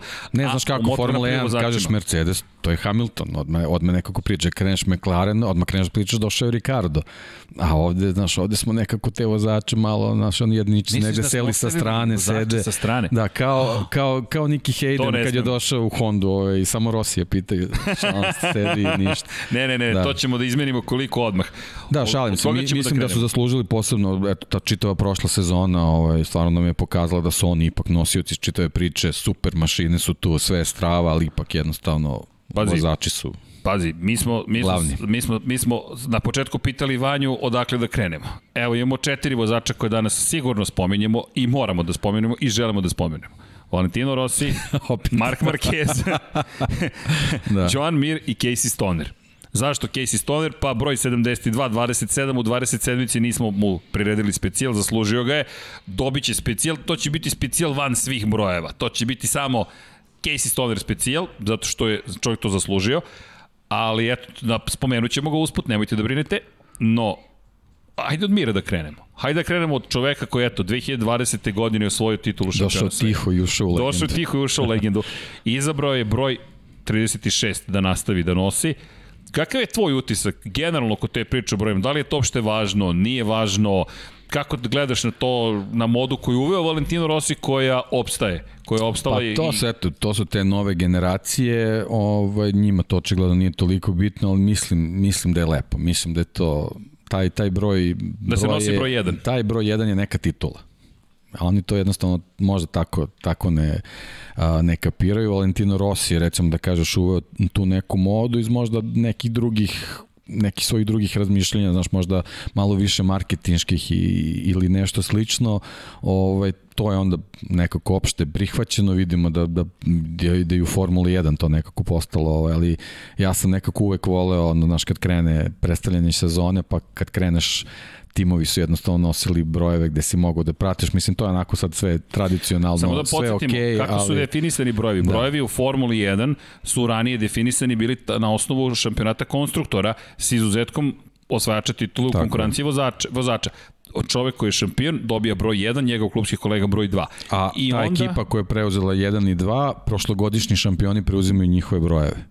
I zato su se ti brojevi tako vrtili, zato smo na kraju kraja imali 27-icu kod Vilneva, znači to nije njegov broj, znači to je, on, to je broj koji je nasledio iz sezona kad je Jody Scheckter bio šampion, oni su nosili 1 i 2, onda je došao Williams, Alan Jones i Carlos Reutemann su nosili 27 i 28, oni su preuzeli 1 i 2, 27 i 28 je prešao u Ferrari i pošto dugo godina nisu bili posle opet u vrhu, taj 27 i 28 se dugo je godina zaživeo, zaživeo kao Ferrari broj. Alezi i Berger su nosili nosili i tako dalje. Ali u principu ranije bio taj, da ga nazovem, karusel tih, tih brojeva i to je nekako bilo onako zanimljivo i interesantno. Nisu se vozači vezali za, za te brojeve u tom smislu da su imali svoj personalizovani broj. Eto, dolazimo do Valentina Rosija, mada Sheen, Da. Da napomenemo, da, Barry da, Sheen, da, to da. si mi ti naučio da je Barry Sheen bio taj koji je prvi rekao ne, ne, ne, ne, moj broj je broj 7, da. ja ga zadržavam. Da. Valentino Rossi to vratio da, to su bili neki izuzeci ovaj, od, od tih pravila, ali, ali Barry Sheen i manje tako je, ti kad, kad zaslužiš to, naravno, da, da će ljudi da ti, da ti izađu u susret, tako je, tako je. Ovo, ali eto, jednostavno to je sad postala neka više možda i marketinška moda, ovaj, vezano i za futbal i u stvari, očigledno su neki američki sportovi to... To, to može da nam bude anketa. Nismo još na YouTube uveli anketu. Eto, da li mislite da je bolje da, da vozač zadrži u Moto Grand Prix ili Formula 1 broj 1 ili da nosi svoj broj? To ćemo da stavimo kao zvaničnu anketu. Eto, čisto malo da se igramo, učimo i dalje kako YouTube funkcioniše. Da, znamo, sećamo se nečuvene nule, Damon Hill pre svega, tako je, tako što je kod njega zanimljivo bilo što je dva godine za redom nosio broj nula. Da. Prvi put, s obzirom na činjenicu da je došao u momentu kada se Nigel Mansell penzionisao, to je to penzionisao tako što je otišao u Indikaru i svoju titulu u Indikaru kao Novajlija 93. godine. Hill je stigao u šampionski tim, Prost je uzeo broj 2, broj 0 je pripao Damonu Hillu. Naredne godine Alan Prost koji je osvojio titulu se penzionisao, stigao Ayrton Senna u tim, preuzeo broj 2, Hill je opet dobio nulu i borio se do kraja te sezone da postane šampion sveta. Michael Schumacher je međutim pobedio, osvojio titulu, odbranio titulu u Benettonu, preneo taj broj 1 u Ferrari i počinje polako neka druga era dueli McLaren, Mercedes i tako dalje, tako dalje. Ali u svakom slučaju, Joan Mir je rekao posle duže, dugog, duže perioda razmišljanja, broj 36 završava, koji god izabere njegovo pravo, veliki šampion. Moram ti predstaviti da delim tvoje mišljenje. Poslednji koji je nosio broj 1 bio je Jorge Lorenzo i to je stilizovani JL. Broj 1, Casey Stoner je takođe nosio broj 1, to mi je zanimljivo, njih dvojice su poslednji šampioni koji su to radili, pre toga Valentino Rossi skoro obeležio praktično cijelu deceniju i Da, Niki Hayden, ne zaboravimo, je takođe da, nosio da. broj 1. Niki je nosio broj 1 i to je to. Mark Marquez Ali eto, je i tu vidimo, mislim, koje, koje su veličine, ovaj, koje si veličine spomenuo, koliko i njima to bilo važno. Taj, kažem, taj broj 1, to je ravno nekom ordenu, neko, jednostavno ne znam. Pa čuj, to, to je, broj da, 1. to je bukvalno nešto po čemu se razlikuješ od ostalih. Da, bio je nosio broj 93 u šampionskim godinama Mark Marquez, ostajemo ove godine 93, vidit ćemo ukoliko osvoji novu titulu, nadam se da će biti dovoljno dobro, pre svega fizički, zdravstveno naravno da se bori za titulu, ali ono što je tu, eto, zanimljiv bio podatak u ovoj međusezoni jeste i bila ta dilema. Broj da, ja sam se, ja sam se ponadao, da. Ja isto moram da, ali priznati. vidim ono, i Shinji Sahara, on je nekako ipak malo onako diplomatski rekao, ovaj, kaže, pa bilo je lepo kad smo, kad smo završili sezonu, kad smo bili broj jedan, kako bi izgledao, kao nema veze, kao što sad neće biti, ali mislim da nije baš tako. Mislim da bi bilo lepo da imamo promociju Suzuki-a sa, sa dva motocikla od kojih jedan nosi broj jedan, to, to bi onako baš bilo. Romantično nekako. To bi onako lepa poruka bila, da. Možda smo mi samo malo stariji. Ko zna? Pa da, kažem, mislim, dolaze jednostavno druge generacije, drugačije gledaju na to, eto, mi znamo, znamo ta neka druga vremena i kako je bilo lepo kad, kad, se, kad kreneš u novu sezonu, kad imaš neki novi broj 1 na, na, da predvodi taj grid. Eto, mislim, to je neko moje, moje mišljenje, ali ne smeta mi ni ovako, mislim, jednostavno, okej. Okay. Tako da, da, da to je to sad koliko će mir biti u, ovaj, u stanju da da ovaj ponovi priču iz prošle sezone, to je sad već neka, neka druga tema, mislim da će biti jako teško, je sad da li ćemo tu priču ostaviti kad se, kad se pojavi Suzuki pa da vidimo, ali ajde ti Nadovezuje kreni, mi se da. priča, da, nadovezuje da. mi se priča na jednu drugu priču, zapravo sve su to iste priče, a nadovezuje mi se na 17. februar 1993. godine, i Mark Marqueza. Tada se rodio osmostruki svetski šampion, čovjek koji ima šest titula u Moto Grand Prix, jednu u Moto 2 klasi, jednu u 125 kubika, treći u istoriji koji je spojio titule u sve tri kategorije, te 125, 250, 500, to jest sada Moto 3, Moto 2, Moto Grand Prix. Pre toga Phil Reed i Valentino Rossi, Mark Marquez je sledeći, njegov brođeni brat Alex Marquez teoretsku šansu ima da spoji te titule, to je jedini trenutno pored njega koji može da spoji te titule u Moto Grand Prix, peto šansa svakako postoji. Zašto ga spominjemo? Jedan od velikana ovoga sporta, ne samo zahvaljujući činjenici da je prošle godine imao tu tešku povredu, da je to jedna intrigantna priča koju svi pratimo, dosta se piše i o toj reklami za Samsung koju je napravio da je promovisao telefon, da je dovoljno dobro da je to se bavi i rek, promotivnim svrhama, promotivnim aktivnostima, ali ljudi, da to nije još uvek garancija da je sve. Okay. Mi držimo palčeve da jeste, svakako se je profesionalac u pitanju. Ne, ne, da se razumemo, ja, ja nemam sumnje da će se on oporaviti, da će moći da funkcioniše. Nama je samo a, najveća dilema je u kom procentu će moći da se vrati vezano za, za svoje izdanje na, na Moto Grand Prix motociklu onako kako smo ga navikli. Jeste. Ako se on vrati 100% spreman to je super stvar. E, I to je, to je ono što, što je najveća nepoznanica u ovom trenutku. Niko, niko ne sumnja da će oporavak biti ok, da će on Ali potpuno normalno funkcionisati. Velika razlika, Tako izvini, je. između toga da li voziš motore ili Tako možeš je. da funkcionišeš tako što možeš da otvoriš vrata, okreneš Absolutno. ključ, Absolutno. upališ automobil. Inače, govorimo o problemima tog tipa, kada su nervi u pitanju, nažalost, kako idu godine, sve više ljudi znam koji imaju probleme e, određenog tipa ovoga puta kada su nervi. Jedan moj bliski prijatelj, moj baš baš član uži kruga, najbliži član porodice praktično, je čovek koji je moran operaciju, sa obzirom činjenicu da prikrišten nerv bio toliko da nije mogao da uključi, da pokrene automobil, nije mogao da okrene ključ toliko snage, ne, ne snage, mišići su tu, ali nerv je jednostavno prestao da funkcioniše, bio je priklišten, nije mogao da okrene ključ, morao je na operaciju. Da, koliko to može da onesposobi čoveka? Tako da čak i ukoliko je mišićna masa tu, to ne znači da možete da je kontrolišete u potpunosti. To je ono što pratimo. Kako? Pa imate način na koji možete da vezbate mišiće i da i razvijete tonus, ali opet nervi su ti koji šalju impuls kojim se upravlja. Tako da o tome moramo voditi računa. Zašto spomenjamo Marka Markeza? Ukoliko nekim čudom ste prvi put sa nama i u Moto Grand Prix-u, čovek je već sada autentična legenda. Kada govorimo o titulama, rekoh već osam titula, čovek koji juri očigledno devetu titulu, devet titula ima i Valentino Rossi o kojem ćemo pričati kasnije, međutim četvrti najuspešniji vozač po broju pobjeda u istoriji ovoga sporta. Kada saberete sve kategorije neverovatno, 82 pobede već sada ima, 82, više od njega Angel Nieto 90, Valentino Rossi 115, Giacomo Agostini 122, 35 puta je bio drugoplasirani, 17 puta na poziciji broj 3, 90 pol pozicije, to je najviše u istoriji sporta i u trkama 73 najbrža kruga uz tih 8 titula. To je kada govorimo o svim kategorijama. Kada govorimo o najjačoj, Moto Grand Prix, nekada 500 kubika, Na poziciji je broj 3 iza Giacomo Agostinija. Inače 56 pobjeda ima Marquez, Agostini 68, Valentino Rossi 89. Najviše titula u ovoj klasi 8 Agostini, 7 Valentino Rossi, 6 Marquez. Inače, ukupno kada govorimo o titulama, najviše titula ikada, 15 osvojio Agostini, 13 titula Angel Nieto, 9 titula, po 9 titula Mike Halewood i Valentino Rossi. Mi govorimo o toj kategoriji grupi vozača, a rođen je pre 28 godina na današnji dan. Neverovatno. I zašto priželjkujemo povratak i nadamo se da će se u potpunosti oporaviti, pa baš zahvaljujući ovome. 56 pobjeda na nečoj kategoriji, 29 puta je bio na poziciji broj 2, 10 puta je bio treći, 62 pol pozicije i 57 najbržih krugova ne brinite, dotići se ove statistike kasnije kada budemo čestitali rođenu Valentinu Rosiju, prosto je neverovatno da u dva dana da, ali, imamo ali još jednom i ono što se ti više puta napomenu i što Paja napomenje, ovo su statistike, znači ovde niko ne priča o tome ko je najbolji ne. svih vremena i tako dalje, ovo su jednostavno statistike, oni su vozili potpuno različitim vremenima, a, nešto je ranije bilo izazov, nešto je sad izazov, to su stvari koje su neuporedive i jednostavno na taj način ne mogu da, da se svako vreme ima ovaj, svoje tako da se njihova dostignuća porede, ali jednostavno ovo su, ovo su samo brojke koje govore o njihovoj veličini. Da. A činjenica da su oni u toj mali grupi. Tako je. Evo, više, u nekoliko kategorija si pomenuo samo nekoliko imena. samo nekoliko imena. Pa, to je i razlog zašto uh, ovim brojkama dajemo toliko na značaju. Zato što se radi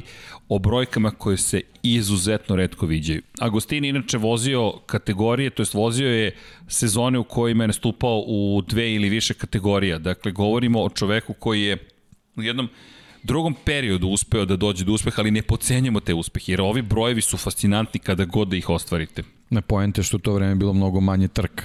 I to je, to je prva stvar, to. znači bilo je jako teško doći do tih brojeva do kojih je, do kojih je on do, došao. Staze su bile jako opasne preživeti Tako je bio je, jedan od prvih ciljeva. Svaki, svaki start je bilo veliko pitanje da li će se doći do cilja. Znači, to je vreme koje je nosilo neki drugi izazov. Ovo, sadašnje vreme, sad smo pričali o tim vrhunskim tehnologijama, znači ovi momci upravljaju sa aždajama. Znači, jednostavno, to je, to je, to je neka promena a, koja je donela motocikle a, zbog kojih se postavlja pitanje da li bi nekadašnji asovi uopšte mogli da se nađu u toj grupi da, da naprave a, ovaj, ta dostignuća koji su radili da su možda imali priliku da voze ove motocikle. I obrnuto. I obrnuto. I obrnuto. Tako, je. tako je. I s obzirom na činjenicu da je Isle of Man TT bio sastavni deo šampionata sveta gde manje više na centimetar prolazite pored zidova, gde su bandere i stubovi sastavni deo staze, gde je život, kao što si rekao, rekao o koncu svaki put, inače je opasan motociklizam, kamoli Tako je. tada.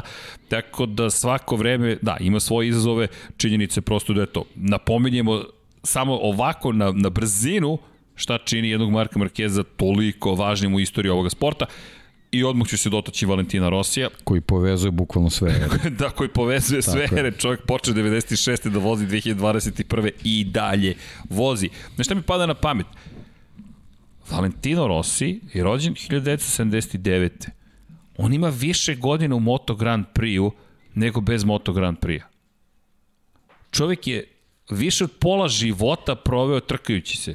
Ja ne znam da smo u Moto Grand Prix, Moto ne trkajući se. ne, da, da, čekaj, čekaj, čekaj, da li je 2000 je došao, to je 21. godina, 40 pola. Pola, ži...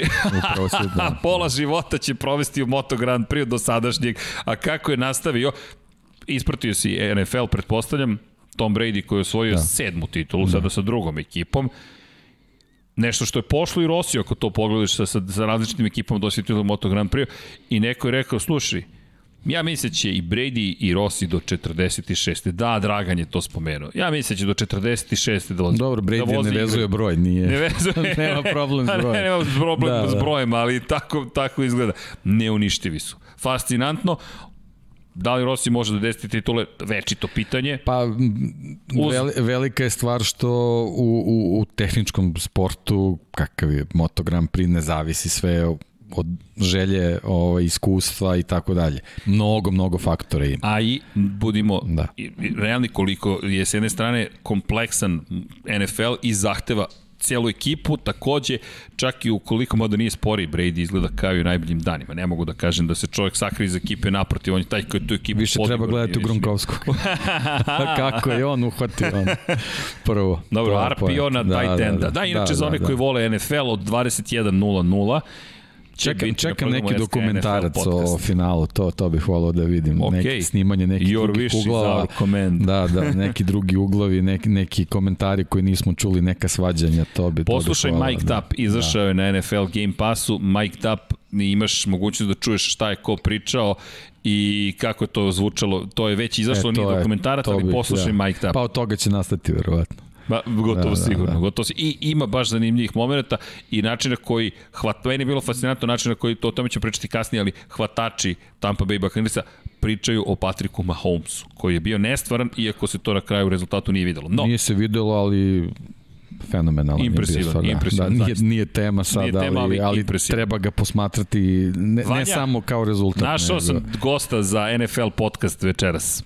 Tako da, iako pokušava da se sakrije pijući iz brno šolje vodu, bojim se deki da si, da si zaglavio ovde. ja sam samo gledala. ne mi posmatrač. Da. Dakle, Valentino Rossi, da spojimo odmah priču s Markom Markezom, inače čestitamo rođendan Marku Markezu, Valentino Rossi, Hajmo sad ovo sve isto, samo na drugu stranu. Iz Moto Grand Prix klase, 89 pobjeda. 61 mesto broj 2, 49 trećih mesta, 55 5, 5, pol, pol, pol pozicija, izvinjam se, 76, vidi čoveka, 76 ima najbržih krugova u karijeri, dakle, u najčoj kategoriji. 76. Fastest laps. I 7 titula. Fascinantno je koliko postoji sličnost između njih dvojice i koliko su u sličnim godinama postizali stvari, imali povrede i probleme i nisu uspevali da odbrane titule. 2006. godine, kada je imao 27 godina, nije odbranio titulu Valentino Rossi. 2020. kada je imao 27 godina, Mark Marquez nije odbranio titulu. Rossi je nije osvojio ni sa 28. Vidjet ćemo da li će Marquez uspeti u tome neverovatne sličnosti, no Rossi najuspešniji svih vremena u Moto Grand Prix kategoriji, 199 pobedničkih postolja, u zbiru svih kategorija, pozicija broj 2, 115 triumfa, 67 puta je bio drugi, 53 puta pozicija broj 3, 65 pol pozicija i 96 najbržih krugova 9 titula ukupno. Kad tako kažeš statistika, sabereš ovo, ali već smo spomenuli koliko dugo je u, u šampionatu sveta Valentino Rossi. Međutim, ni Mark Marquez ne zostaje mnogo. Zašto to kažem? Pa čisto da, da budemo svesni dugovečnosti jednog i drugog. 2008. je debitovao, sa 15 godina je već vozio, mi govorimo o čoveku koji od 2008. godine vozi šampionatu sveta. S izuzetkom prošle godine kada je doživio tu tešku povredu, svako manje više trku je praktično vozio, imao je neke situacije u, dve, u 2011. opet pad, povreda kada je propuštao trke, imao je i u prvoj sezoni 2008. ali generalno to su ljudi koji, eto, ako pričamo za Rossi da je pola života proveo u motocik svetskom šampionatu, uskoro će i Marquez tako fascinantni vozači zaista. Da, to su jednostavno ljudi koji su posvećeni onome. Blago rečeno. se bave i to, to jednostavno mora tako da bude. Opet, evo, kad, kad si spomenuo Stonera, imamo ljude koji su druge strane imaju možda i veći talent od njih, ali jednostavno život ih tera da se bave nekim drugim stvarima. Pa, i, i, i ne posvećuju se toliko ovaj, na taj način kako se oni posvećuju. Pa, ajmo da spomenemo iz te, a prvo da čestitamo, 42. rođendan Valentino Rosiju, Marko Markezu 28. Nadamo se da ćemo ih još dugo gledati i jednog i drugog i da se dotaknemo Casey Stonera, dve titule šampiona sveta. Evo sad šta ti je statistika. Samo, uslovno rečeno, dve titule. Dve titule šampiona sveta u Moto Grand Prix kategoriji, čovek koji je uspeo 38 pobjeda da ostvari, 11 puta je bio drugi, 20 puta je bio treći, 39 pol pozicije, 29 najbržih krugova, dve titule šampiona sveta, čovek koji je na spisku najuspešnijih na poziciji broj 6, ima jednu pobedu više od Majka Helwooda, koji je osvojio četiri titule, a kada pogledamo na spisku svih vremena njegove uspehe, tu je uz Jima Redmana 45 pobjeda, konkretno je imao u karijeri i neko je koga, eto, smatramo jednim od najboljih 11 je po broju pobjeda ukupno, 45 ima tri više od Maxa Bjađija, što opet govori nešto o tome šta je postigao. Dani Pedrosa, zanimljivo je, ima ukupno devet pobjeda više od Casey Stonera u karijeri, nema titulu u Moto Grand Prix-u. Inače, ako se pitate gde je i u Moto Grand Prix klasi, čisto da spomenemo i Danije Pedrosu, Dani 31 pobedu, 7 samo manje od Casey Stonera, ali Casey Stoner je ostavio tako dubog trag iza sebe da ta statistika o kojoj pričamo zaista ne govori u prilog tome šta je taj čovek postigao. Osvojio titulu prvu jedinu za Ducati 2007. godine, briljantan bio kao čovek koji sedne na motocikl i odmah je brz, kao neko koji je učinio Ducati vrlo relevantnim i ne samo to, doveo nas do toga da verujemo da Ducati bolji nego što nužno jeste. Da, dokazuje da motocikl takav može da se vozi i da, i da možeš da, da kalkulišeš da pobeđuješ njim. To je nešto što od tog trenutka do njegove pojave nismo znali smo da, da postoji neka snažna mašina koja je jednostavno neartikulisana a on je uspeo jednostavno da ukroti tu, tu zveri i da ovaj, da, da ona ne bude tako koja njemu nanosi povrede, nego da ona bude tako koja će njemu donositi pehare. Tako da to je, to je suština njegovog bistovanja u Ducatiju i zašto je postao njihova legenda. A drugo izdanje vezano za razvoj i za, i za testiranje nam, nas dovode do ovoga gde je u, stvari, u principu pripremio motocikle da neko drugi ovaj ga nasledi na, na podijumima i, i, i, i, za, i, i ovaj, u, da budu u konkurenciji za osvajanje titula.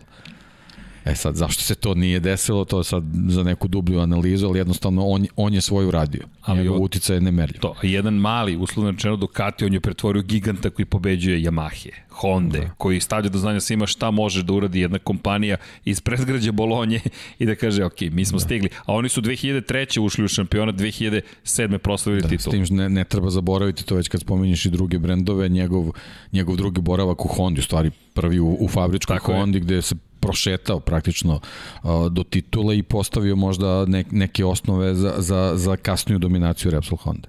Šta ga čini takođe posebnim iz perspektive statistike? Evo da istaknemo nešto. Sad pročitat ću neka imena. Giacomo Agostini. Kao da odmah krećemo od Giacomo. ne, Giacomo, Giacomo je... Ne, Specijalo, spe, Giacomo. Specijalan. Poseban je, zaista je poseban. Giacomo Agostini. To je prva, dakle brojimo. Eddie Lawson, broj 2, Valentino Rossi i Casey Stoner. Šta je zajedničko ovoj četvorici vozača? Potrebno je vremena dok ode ovo na YouTube, streamuje se, kompresuje, dekompresuje i tako dalje, pa ću dati malo vremena. Ali evo moje pitanje za publiku šta je zajedničko četvorici vozača u istoriji koja traje od 1949. godine. Ponovit ću još jednom, Giacomo Agostini, prvi koji je uspeo u, koji je uspeo u tome. Zatim drugi čovek koji je krajem 80-ih bio u toj neverovatnoj grupi američkih vozača, Eddie Lawson, treći Valentino Rossi i Casey Stoner. Samo četiri vozača su uspela da postignu to o čemu pričamo, pa evo, malo, malo vremena, inače si mi dobro, deki. Nije loše. Nije loše. Sad troši Čekam malo vremena. Čekam sezona, da. čekamo, čekamo. Evo ga, mladen, tako je, Stoner bio samo zato što je napustio rano šampionat. Radivojić, Radović, Mladen Miljković, tako je. Ljudi su osvajali titule na različitim motociklima. Casey Stoner kada je osvojio titulu na Hondi, nekako se to podrazumevalo. Gotovo da nismo ni konstatovali uspeh koji je ostvario. Mislim da je to delimično krivica što Lawsona, što Rosija, šta su postigli Lawson i Rossi. Lawson je sa Yamahe prešao na Hondu i osvojio titulu sezonu za sezonom na različitim motorima. Rossi je sa Honda prešao na Yamahu i podigao lestvicu na viši nivo, pobedio je na poslednjoj trci na Hondi i pobedio na prvoj trci na Yamahi, to niko nikada nije postigao, i onda dolazi Casey Stoner koji osvaja u 2007. titulu za Ducati i onda 2011. godine osvaja za Hondu, kao da je to tek tako, dođeš, osvojiš i ono što ga pratilo celu karijeru, ma, to bi svako mogao da uradi na toj Hondi, to bi svako mogao da uradi na tom Ducatiju.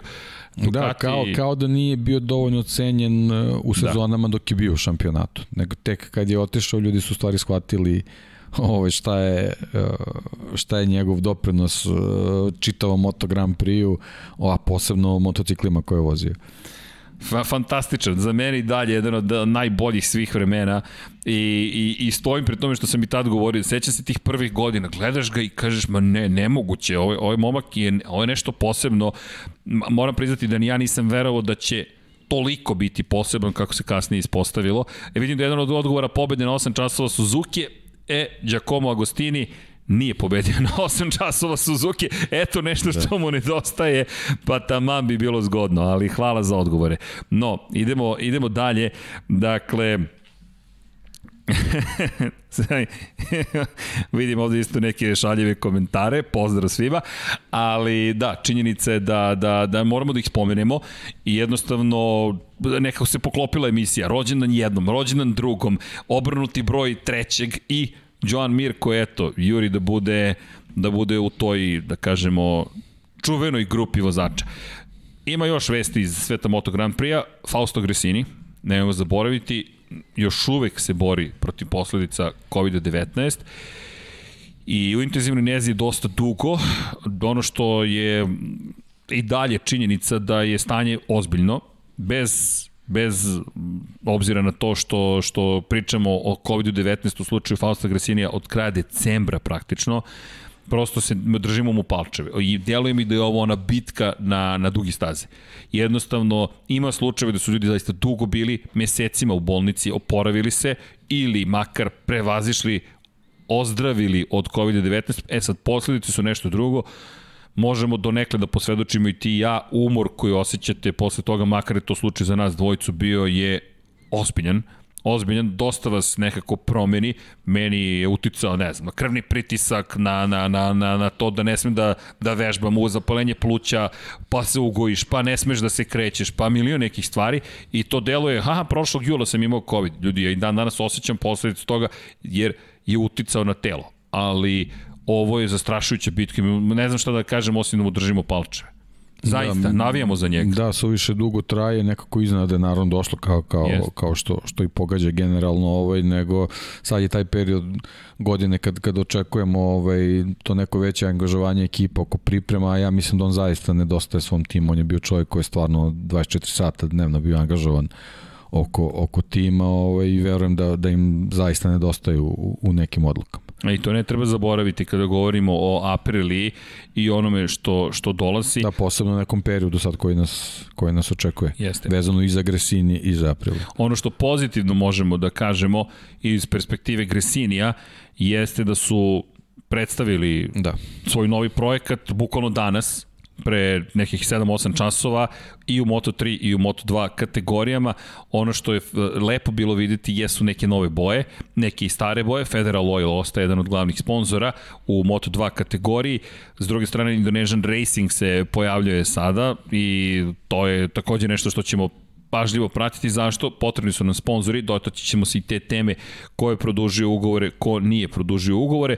Nemojte zaboraviti Jeremy Alcoba, ostaje u ekipi Gresinija, Gabriel Rodrigo ostaje u ekipi Gresinija, neće više biti svetlo-plavi, bit će crveni i nemojmo zaboraviti u Moto2 kategoriji kakva je situacija, Nikolo Bulega i Fabio Di Gian Antonio koji pravi, čini se veze sa tim Moto Grand Prix budućim projektom. 2011-11 u Moto2 kategoriji nemojte zaboraviti, bit će predstavnici u Moto trojkama, eto, neke nove boje, relativno brzo verujem da ćemo se navići, ali čisto da napomenemo eto da je ekipa nastavila, ali nije bilo nikakve pompe u prezentacijama, neprimereno bi bilo i do, pričali su naravno i o Faustu Gresinu i svim, želimo brzo poravak, ali eto, još neke vesti koje eto imaju veze prosto i sa Gresinim i sa Moto Grand Prix. Još jedna važna vest, ne zaboravimo, krivina broj 10 u Barceloni. Promenjena je vraćena je u prošlost na neki način, a odvedena je u budućnost. Šta to znači? Pa onaj čuveni oblik krivine broj 10, obli, ne, onako sečeni, gde smo imali CSI Barcelona, da ne kažem CSI Lab 76, to moramo da uvedemo. U, evo je, evo je, evo je nova rubrika, CSI Deki Potkonjak, dakle, vidjet ćemo, moramo tu isto sponzora da nabavimo Powered by, pa ćemo da vidimo ko, gde ćemo da analiziramo možda sporne situacije, mada moramo da budemo na stazi da bismo to obavili. Da. Taj inicijalni CSI bio je u Barceloni 2019. Druga priča. Druga Evo ga, autor, priča, da. čovek koji je rekao, Srki, idemo mi u krivinu broj 10, tamo je Jorge Lorenzo napravio čuvenu grešku i to je krivina koja je bila oštra, pa još jedna oštra na 11. Sad je to jedna lepa, duga krivina. Ono što je dobro, pomerene malo unazad, skraćen je taj zadnji pravac, malo neće baš pomoći prilikom preticanja, ali ok, bit će uzbudljivije u onom završnom delu kruga, s obzirom na činjenicu da će Formula 1 koristiti, pa eto možda to do nekle pomogne, mada ona šikana u Formula 1 generalno kvari. Ba, da, ali generalno taj, taj deo oko krivine 10 nije u Formula 1 toliki problem bio koliko u motociklima. Tako je, u motociklima je zaista da, bio problem. Da, da. A sada imamo i zonu otklizavanja koja je dovoljno dugačka da bude da. sve bezbedno. Pa dobro, mislim, generalno bilo je ono bezbedno i ovako, posebno kad smo videli taj udes, ali, ali jednostavno ta, taj oštar ugao te krivine nije odgovarao motociklima, kao što se videli iz priloženog te godine. Da, i moramo da napomenemo još jednu stvar, ono što je vrlo interesantno što se desilo u prethodnih 7 dana jeste intervju koji su dali zapravo predstavnici HRC-a, te su Hiro Kovata i Takehiro Koyasu, koji su osrednjom procenili prethodnu godinu, ali ono što je bilo fenomenalno u tom intervju jeste zapravo priča o tome da su kroz taj poraz u 2020. mnogo toga naučili I ono što je bilo zanimljivo kada je reč o, o prosto tim razlikama između specifikacije 2019. i 20. da su radili reviziju i motora i šasije i da su se prosto fokusirali na unapređenje tako čuvenog drivability, vo, po, po, vozljivosti motora, da, da su hteli takođe povećanje snage i u razvoju šasije stabilnost im je bila važnija u fazama negativnog ubrzanja i ubrzanja sad kada pročitate sve su hteli da naprede, skretanje, prijanjanje, ono što su radili jeste da nisu se bavili ne samo analizom velikih delova, već malih delova i naravno elektronikom. Ogroman posao tu ulazi, intervju je dosta dugačak i zanimljiv, lep uvid praktično ono što se događa u HRC-u. Bavit ćemo se više Hondom kada prezentuje svoj motocikl. Ima jedno od vaših pitanja koje se ponavlja, preći ćemo i na pitanje i odgovore, ali to je da li će Andrea Doviciozo voziti za Hondu. Evo, Dom Pablo se nade da hoće, to je pitanje koje visi nad Moto Grand Prix, ne samo nad ekipom Honda, već duže. Moram priznati da nema adekvatnog odgovora. Za sada sve ukazuje na to će, da će pružiti priliku i dalje Štefanu Bradlu, da će koristiti njegovo prisustvo na stazi da dalje unapređuju motocikl i da neće tražiti zamenu za Marka Markeza do daljnjeg.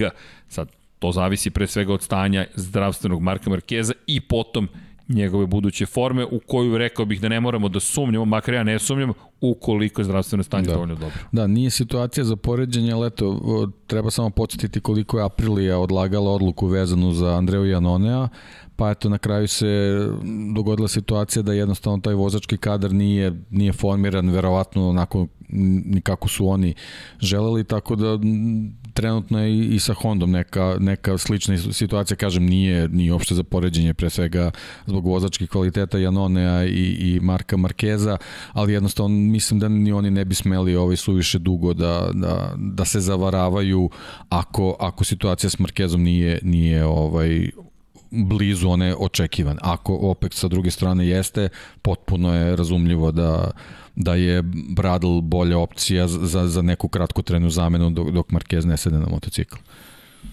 Čekamo, čekamo i mi da vidimo šta će biti sa Andrejom Doviciozom. Biće intervju i sa Andrejom Doviciozom, moćete da pratite dosta toga. Mi inače bi trebalo, nadamo se sutra da imamo intervju sa Lukom Marinim, trebalo je juče, pa danas. Međutim, juče su do 21.00 ostali aktivni, pa je danas slobodan dan za Marinija, pa i za Bastianinija, da je intervju sa Bastianinijem, veruj mi, ne, nema ni jedne druge osobe osim, osim tebe. Tu to sam radiš. Ja neću ni da se mešam, će kažem, evo, imate fana ovde, pa šalim se naravno, ali pre svega deki profesionalci, svi se trudimo da budemo profesionalci, ali eto to intervju koji čekamo. I ja bih iskoristio priliku naravno da pozovem i pitam da li imate neka pitanja, da pružimo i neke odgovore i naravno da, da da se spremimo i za SK NFL podcast, to je Vanja da se spremi za SK. Možete da pratite Vanju u NFL-u, ali o tom potom ima još stvari koje čekamo sa nestrpljenjem u narednih 7 dana. Nadamo se da će biti još nekih gostiju. Kada kažem nekih, ne pocenjujem, naprotiv, već pokušamo sve da uklopimo i prezentacije i goste i da ih sve ispitamo. Brzo će doći 28. marta, brzo će doći period kada kreće pun gas i kada će se samo smenjivati trke. Odgovorit ću odmah preventivno na pitanje kada će Miloš Pavlović biti i da li će biti gost. Hoće. Kada? čim se pojavi u Beogradu i bude u mogućnosti da dođe u studio na kraju univerzuma. Da, to nam je želja, mislim, Zoom intervju možemo da uradimo bukvalno u svakom trenutku, ali uživo je uživo. to je... Želimo da ga da. vidimo prosto da. u studiju. Ako i... jednostavno situacija ne dozvoli, Zove ga zid da. šampiona. Da. zid da. šampiona zove, traži prosto svoj potpis, tako da ne brinete. Eto, odmah sam odgovorio na pitanje koje garantujem, znam da će se desiti, pa eto, to je onaj autoresponder čuveni. Da, Miloš Pavlović, nadamo se da nam dolazi u skorije neko vreme. Eto, pitajte pitanja. Kojeg proizvođača biste volili da vidite u Moto Grand Prix-u? Mogu ja? Pa, Kawasaki. Da, da pa uzeo si mi reč, da, mi, da, reč mislim da se da, već da, razumemo. Da. Pa je, mislim, generalno, naravno, tu ima nekih, nekih brendova iz prošlosti koje bismo volili da vidimo, ali to jednostavno nije realno u ovom trenutku zbog eto, tih ogromnih finansijskih izdataka koji su Moto Grand Prix sve veći i veći, ali eto, kad se već spomenuo, znači Kawasaki i eventualno naravno BMW, ali znamo da jednostavno ta priča nije, nije realna ni za jednu ni za drugu marku, zato što imaju neke svoje drugačije strategije koje u ovom trenutku sigurno ne podrazumevaju razvijanje Moto Grand Prix motocikla od početka, znamo koliko to košta, tako da mislim da nije realno. Ali Voleli bismo. Voleli da. bismo, da, da. Inače, jedan od odgovora je BMW, Dragan. Da, BMW. Kawasaki, BMW, BMW, to je to. To je to, to, je da. to. Ne, ne, to, da. to su dva ključna. Tu bi, na, tu bi nam ovaj garantovali neku ozbiljnost u njihovim pojavama. Znači, Jest. nije dovoljno samo se naći na gridu, nego nego biti, biti pravi motogram pri motociklu. Aleksandar Branković, evo ideje da u okviru famoznog CSI Lab 76 uvedete pre trku jedno upoznavanje sa stazom u vidu nekog virtualnog kruga, kao što Rosberg na svom kanalu radi pre trku, može to deki. Niko Rosberg i Dejan Potkonjak. To, da, da, da, to baš sam bar, To je jedno te isto, da, da. tako da podržavam u, hvala, hvala. u potpunosti, ali to jeste činjenica. Ali, Aleksandar, to je već ideja. To je ideja bila za prošlu godinu, međutim, COVID je obeležio da.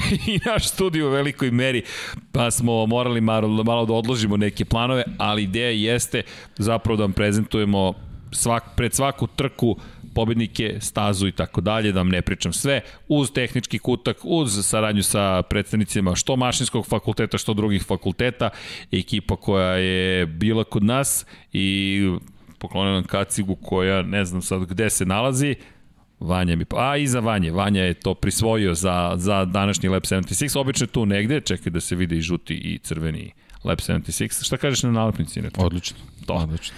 Dakle, kada je reč o, o tome, da, uvešćemo svakako. Sad, šta još imamo od pitanja? Šta očekujemo od Zarka? Kao i od svih. Kako mislim, sam, ja rekao sam, ne, ne, pa ovaj, mislim da sam video negde isto je bilo ovaj, jedna konstatacija kao da nema loših vozača na gridu. Mislim, to, to smo se uverili i prošle godine, ono, čitava naša priča bila, nažalost, od ovih permanentnih vozača, samo je Tito Rabat, nažalost, odskakao, ali znamo iz, iz kojih sve raznoraznih razloga, tako da sad je, sad je situacija mnogo izjednačenija. Sad moramo naravno prvo da vidimo Novajlije, kako će oni da se, da se ponašaju, ali po imenima, bukvalno mi imamo veoma, veoma izjedančen grid. Evo jedno pitanja, e, Dule pita, ćao ljudi, ja nisam toliko pratio do sada, ali sam čuo negde da Morbidelli ima dosta slabi motor i ugovor od svojih kolega, iako je bio bolje plasiran, zašto je to slučaj? Moramo da se vratimo u 2000, za ugovor ne znamo, moram priznati, ne znamo finansijske uslove, ali... ali to su stvari ti kad staviš potpis Stavio si potpis. Tako je, ako je, ako je na neki duži period, bez obzira šta se desi umeđu vremenu, on može samo neke bonuse da tako je, ali ugovor je ugovor. Ali ovo je dobro pitanje za sve oni koji eventualno nisu pratili kao i Dule neko vreme. Vrat, moramo da se vratimo u 2019. godinu. 2019. godine Franco Morbidelli je prešao u novo osnovani tim Petronas Yamahe, koji je zao za upražnjeno mesto Mark VDS Racinga. Mark VDS Racing je sarađivao sa Hondom, odustali su od toga, izašli su iz Moto Grand Prix-a. To mesto je kupila kompanija Petronas, to jest zvanično Sepang Racing Team, tim koji dolazi sa staze Sepang u Maleziji, Petronas je malezijska naftna kompanija, kopili su svoje mesto, uspostavili su saradnju sa Yamahom, koja je ostala bez saradnje sa Tech 3 timom, pogledajte početak emisije i Tech 3 motocikl kako izgleda, fenomenalni prelepi KTM, RV Poncharal, šef Tech 3, želeo je fabričke motore, bolju saradnju, to je dobio od KTM-a. Petronas angažuje Franka Morbidelija iz redova Mark VDS Racinga kao nekoga ko već ima određeno iskustvo u Moto Grand Prix, a kao nekadašnji šampion Moto2 klase je dovoljno talentovan da predvodi tim. Pokraj njega dovode na veliko iznenađenje u to vreme nedovoljno dokazanog Fabio Quartarara, koji ima jednu samo pobedu u svojoj celokupnoj karijeri u Moto3 i Moto2 kategorijama, jedna mu je oduzeta usled tehničkih problema sa motociklom.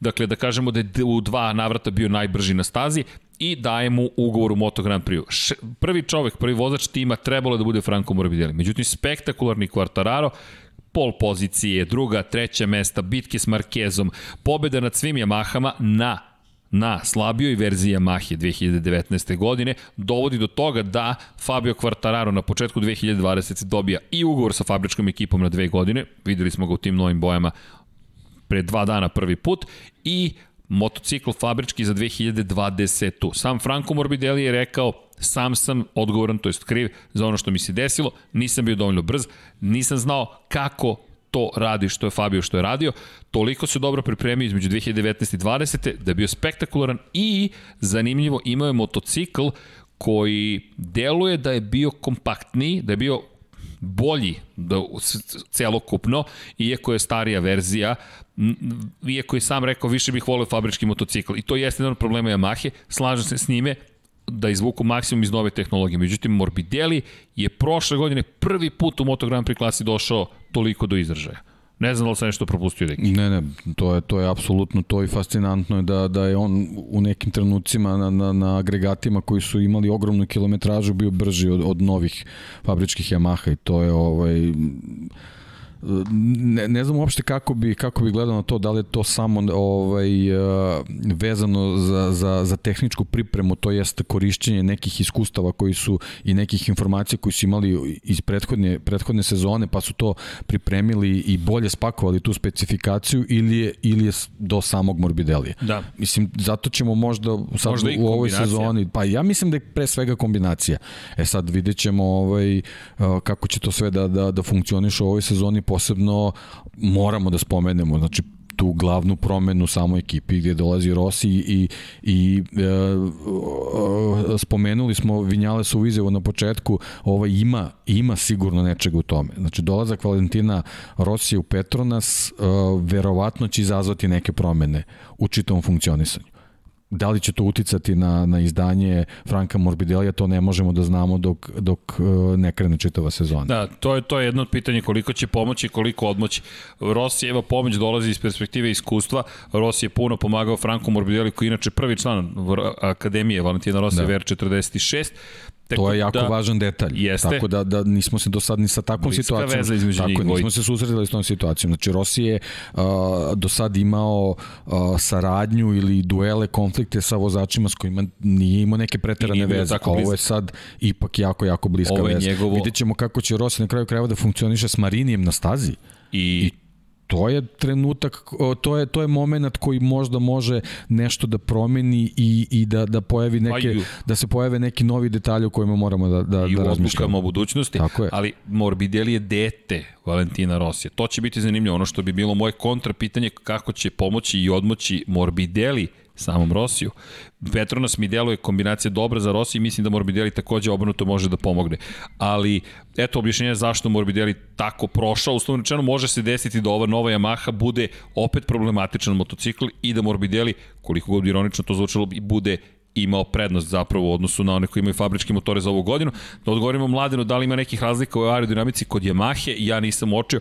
Moram priznati Mladene, ni mi nismo uočili previše razlika, ali moram priznati da nismo seli kao sa Ducatijem i gledali sliku po sliku, pa merili, proveravali i pokušavali da ustanovimo koje su razlike. To čuvamo za sledeći tehnički kutak, ali vidjet ćemo. Pozdrav za Aleksandra, ne, ne, ne brinite, ali to ne znači da ćemo se setiti svaki ide. Tanić Dušan, koji je po vama najbolji, najbrži motocikl u novijoj eri? Ja imam jedan, najkompletniji motor svih vremena, RC 211V, V5 Honda od 2002. do 2006. Duboko verujem da je to naj, naj, naj, naj, najkompletniji motocikl koji se ikada pojavio u Moto Grand Prix za tu eru u kojoj je bio. Ljudi, to je petocilindrični motor. Da, spektakl. Da. To slažem neki, se, slažem se, da. da. Pri, ja smo pričali o tom da, motoru. Da, da, da. Da vi izbalansirate motor koji ima pet cilindara, tri idu napred, dva idu pozadi, istih su dimenzije, iste zapremine, isti je hod, isti obim, sve je isto, i vi dobijete motor koji ima snagu pri niskim brojima obrtajima, srednjim, visokim, maksimalno brzina, ponašanje na kočenju, ponašanje u krivinama i još na, na taj motor stavite Valentina Rosija, nezaustavljiv motor. Osim kada je Rossi otišao pa se na M jedinicu koju su razvili i uspeli je Maha i Rossi da ih pobedu dve godine i Niki Hayden potom vratio RC211V na sam vrh. Meni to deluje kao najkompletniji motor. Jeste, jeste, pravo si. To je, to, eto, eto, odgovor. Mina Čirković, da li ste imali veliku tremu prilikom prve trke koju ste komentarisali? Kako ste se tada osjećali? Hoćeš ti, pa ću ja, ili hoćeš ja, pa ti sve jedno? Pa verovatno zbog, zbog tog nekog ovaj, osjećanja, tako nazovem, nešto se pretarano ne sećamo ovaj, svoje prve trke, ali mislim, pamtim je zbog, zbog jednog detalja, moja, moja prva trka je bila ovaj, uh, uh, Car trka, IndyCar u stvari, tad se zvala Champ Car 2006. Uh, Toronto, čini mi se da je bio. Mislim da je, mislim da je Toronto bio i trka se završila onim pre, pred kraj sa čuvenim incidentom i tučom između Sebastina Burdeja i Paula Tracy. A onog prethodnog dela, neke prve dve trećine trke, iskreno ne sećam se nešto preterano. Ja se sećam prilično da. dobro.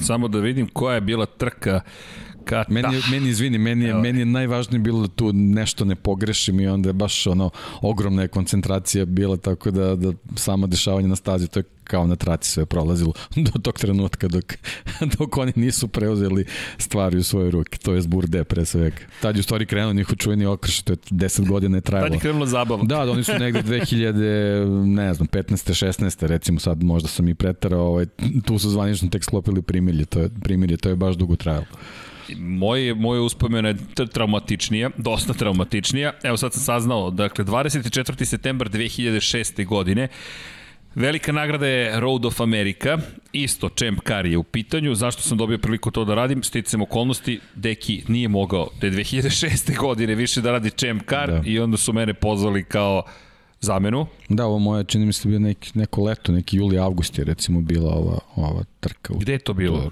Pa mislim da je Detroit, Tor, ne, Toronto. E. Montreal. Montreal, Toronto. Ne znam da je neka Kanada bila nešto. To je. Da, je bio ili Toronto da, ili Montreal. Da, mislim da je Toronto. Montreal je ova čuvena staza, tako da Grand Prix, tako da ne verujem da moguće da je Toronto. Ne, ima, da, pa, da. pa dobro, ali može da se da. desi Edmonton da je bio. Nisam ni ja znao. Dobro, evo. nisam, nisam siguran da, ali... Tri trke da. te sezone. Da, u svakom slučaju... Da, meni, izvini, meni prioritet te sezone bilo, bio VRC koji je tada bio na Eurosportu i to, to je stvari da. bilo glavno dešavanje, a Champ Car ovaj, je bukvalno nekako bilo po pozivu komentarisan. Tad, tad je još, pošto je Eurosport je bio po ovoju, dosta trka je preuzimo na engleski delimično komentar. se prenosi, da, da, da, i onda smo delimično prenosili i onda ne, ne mogu baš tačno se setim nekih trka, za neke čak mislim da sam prenosio, možda i nisam. Ne, ne. Tako da, ja se ove da, sećam, da. In, vrlo se dobro sećam, nekoliko stvari, isto Eurosport je bio u pitanju, dolazim, to je nedelja, nema kvalifikacije, radi se sa, samo trka, mislim da 20.00 bilo i kreće trka, pri čemu ja očekujem sada, nikad u životu nisam komentarisao, neko da će biti pored mene. Ma kakav prazna kabina, preko puta je čovjek iz realizacije, ne se ko je bio. Ja dolazim i kaže, ja mi kaže, to ti mikrofon, ovo su ti s mikrofonom, ovo ti iskašljivač, to pritisneš kad doćeš da kašeš ili da mi se obratiš, ovde se gasiš, slušaš u slušalicama kada je vreme za reklamni blok, Ja sad čekam nastavak. Ne, ne, ne, to je to. To je to. I kreće 10, 9, panika, panika. Pri čemu ja mislim da ceo, ceo Eurosport, svi koji prate na našem jeziku slušaju samo taj prenos i samo čekaju Champ Car. U ovom slučaju, eto, iz Road of America, sa Road of America Inače, I, ekstra trka i super staza. I super staza, da, osim da. što je Katrin Leg u krivini 11 izgubila kontrolu Uf, nad bolidom, da. završila u ogradi i ja sedim Spektakl. 42 minute crvene zastave u mom prvom prenosu i ja meri kroz glavu prolazi nije živa. Moj prvi prenos u karijeri i to bi bilo to otprilike. Ja ne znam šta da pričam 42 minute u tom trenutku. Sada je to laki petting sa komentarisanjem, blagi uvod i u svakom slučaju sedim 42 minute više tišine nego priče. Ne znam šta sada da pričam, nemam te informacije, nisam se spremio na taj način. Pri čemu i da imam informacije, panika je potpuna. Potpuna panika da mi rođena majka posle prenosa rekla nije bilo loše. To, to ti je sigurno signal da si mnogo pogrešio, a Pixi s kojima danas, s kojim danas sarađujemo, čovjek koji je bio tada glavno komandujući na Eurosportu rekao, zvaćemo mi tebe. Don't call us, we'll call you. Tako da, Mina, da li sam imao trebu i paniku? Jesam, ali onda sam rekao, dajte mi samo još jednu priliku, samo još jednu šansu, srećom nisu našli nikoga kao zamenu za sledeću trku i zvali su me i nije bilo loše. Inače, agonija. Sledeća trka je bila četiri nedelje kasnije, 22. oktobra. čekao sam i čekao Surfers Paradise uh, ili ti raj za surfere i dočekao. Još jedna dobra I, I sam, znam da sam rekao, sam mi daj još jednu šansu kogod, gore, dole, levo, desno, priroda, kosmos, neko nek mi da još jednu šansu. Pixi mi je dao tu jednu šansu, rekao nismo nikog našli, ajde dođi. Uh, toliko o tome i rekao sam ne, sad više me nećete izbaciti odavde. I sledeće godine taj isti čovjek rekao, Erceg, ti radiš MotoGP. To se ja pao u nesvest, ali yes. U svakom slučaju, eto, Mina, nadam se da smo odgovorili na pitanje. Zabavno, ali počeli smo s Champ Carom, čekaj, mogli bismo u čast Champ Cara nešto da odradimo ove godine s IndyCarom. Pa zaslužili su, da, da što ne. Da. Da, zatim, da li ste imali, koji vozač će vam imati više uspeha ovaj sezoni, Frenki ili Fabio? Ja mislim da će imati Frenki. Iskreno, mislim da će imati Frenki. Više uspeha. Uspeha? Da. Mislim da će Frenki imati bolje. Pa ja ne znam, ja rekao sam na početku, ako, ako ovaj, početak sezone bude ovaj, kako da kažem, uspešniji nego što je bio početak 2020. za fabričku ekipu, mislim da će obojica ovaj, fabričkih vozača biti bolji. Ne mogu sad kažem mnogo bolji, ali bolji. Šta god to značilo za jednog i za drugog moje mišljenje da. zaista da, da će Frenki u tom direktnom poređenju biti bolje. Luka pita koju boju majice biste preporučili. Ha, to je trik pitanje. Crna. Ha, ha, ha. Crna ili ova neka siva, ne znam nija koja je ovo boja. Sve su lepe. Ovo je fabrička boja Lep 76. fabričko podešavanje. Da. da, pa sve su lepe, samo zavisi od toga šta volite. Naranđaste bi trebalo da budu zabavne. Nisam ih još video uživo, ali eto, da ne, ne promovišem ovo i crnu i neki konoci, mada i bele su isto eto, te neutralne. Gde je bre gospodin Đankić? U studiju, ali ne ovom, snima muziku, što je lepa stvar. I, nažalost, gospodin Đankić je imao dosta situacija sa zdravljem i pored toga ove godine je počeo da radi NHL, ne znam da li ste pratili, međutim imao je čudnu situaciju, morao je ponovo u karantin, ovoga puta je nekih 10 dana bio u karantinu s obzirom na činjenicu da je imao kontakt sa osobom koja je zaražena COVID-19, to je ima bolest COVID-19, zaražena virusom SARS-2-CoV jel te, 19, ako se ne varam, i samim tim mora da se samo izoluje dok ne stignu rezultati da li je negativno ili pozitivno, srećem stiglo da je negativno, tako da se mi nadamo da će nam se pridružiti, ali trenutno snima muziku i češće ćete ga vidjeti u muzičkom studiju i mi podržavamo to koliko god da nam nedostaje u studiju na kraju univerzuma, ali eto, držimo palče, nadamo se da će nam se uskoro pridružiti, to je najveća ljubav gospodina Đankića, jedina veća ljubav od Moto Grand Prix, muzika. Tako da, podržavamo, a nadam se da ćete ga podržati i vi, na Twitteru junkie, at junkie baby, tako da verujem da će hteti to da čuje. Šta očekujete od Millera na Ducati, ovih pozdravi od nas, šta očekujete od Millera na Ducati ove godine? Pa, opet isto, ne, ne, ne bih pobednička postavlja. Ne bih rekao očekujem, ja mu želim da što pre pobedi. E, i onda iz toga da, da proistekne ostalo. Mislim da je, da je to sad ključna Lepo. stvar i, i, Lepo. i, i ovaj prelomna situacija vezana za, za njega i Ducati. Pitanje je po mom, da, da li Nakagami može na podijemsko mesto broj 1 ove godine ili bilo koje na pobedničkom postolju. Sigurno. Pa, apsolutno. Da. Dobio je novu Hondu koja deluje da je značajno unapređena. Prošle godine pokazao da može. Sebe, sad to, to je sad pol pozicija u Aragonu. Da, ne, neko sklapanje kockica je to koje će biti da. presudno da, da se to desi, a ne, ne njegov kvalitet koji ima nesumnjivo. Slušaj ovo, MS, da li privatno vozite motocikla ako vozite koje? Pa to smo rekli, na proleći stižu odgovori, mada evo ovde mi Mrko gledaju pokušavaju da zabrane, da zabrane tu vrstu aktivnosti. Ima raznih predloga, šta vi predlažete? Ja sam glasao za Kawasaki s obzirom na činjenicu da ga nema u Moto Grand Prix, pa nema posle prozivki šta voziš i zašto voziš. S druge strane, predosta predloga došlo za BMW, pa ćemo da vidimo, ali koji god motocikl. Opet Kawasaki BMW. Da, pa da, da, Kawasaki, da, da, da, da, da, Kawasaki BMW, da, da, viš kako se sve lepo poklapa. Da, ima raznih predloga i za sve proizvođače motora koji su iz Moto Grand Prix-a. Pozdrav inače za našeg dragog prijatelja Igora, popularnog introderka čovek. Jedino na što može da sedne Suzuki Introder 2.0.0. Ima, evo, pozdrav sa kraja univerzuma. Tako da, eto, nadam se da ću moći da vam odgovorim da će mi dozvoliti. Pitanje za obojicu, što po vama nedostaje Moto Grand Prix? Po meni, kao i F1 američki tim je uzači, mislim da sve što Amerikanci tako, Amerikanci tako postaje zlato. Pa sad, ne znam da li postaje zlato, ali činjenica da imaju tu vrstu samopouzdanja koja negde nedostaje, taj jedan stav gde... Pa drugačiji stav to. od, od, od nekako uniformisanih vozača Jest. u Evropi. Vidimo pojava jednog Australijanca, pa koliko se to sve uzima. Drugačije, da. tako je.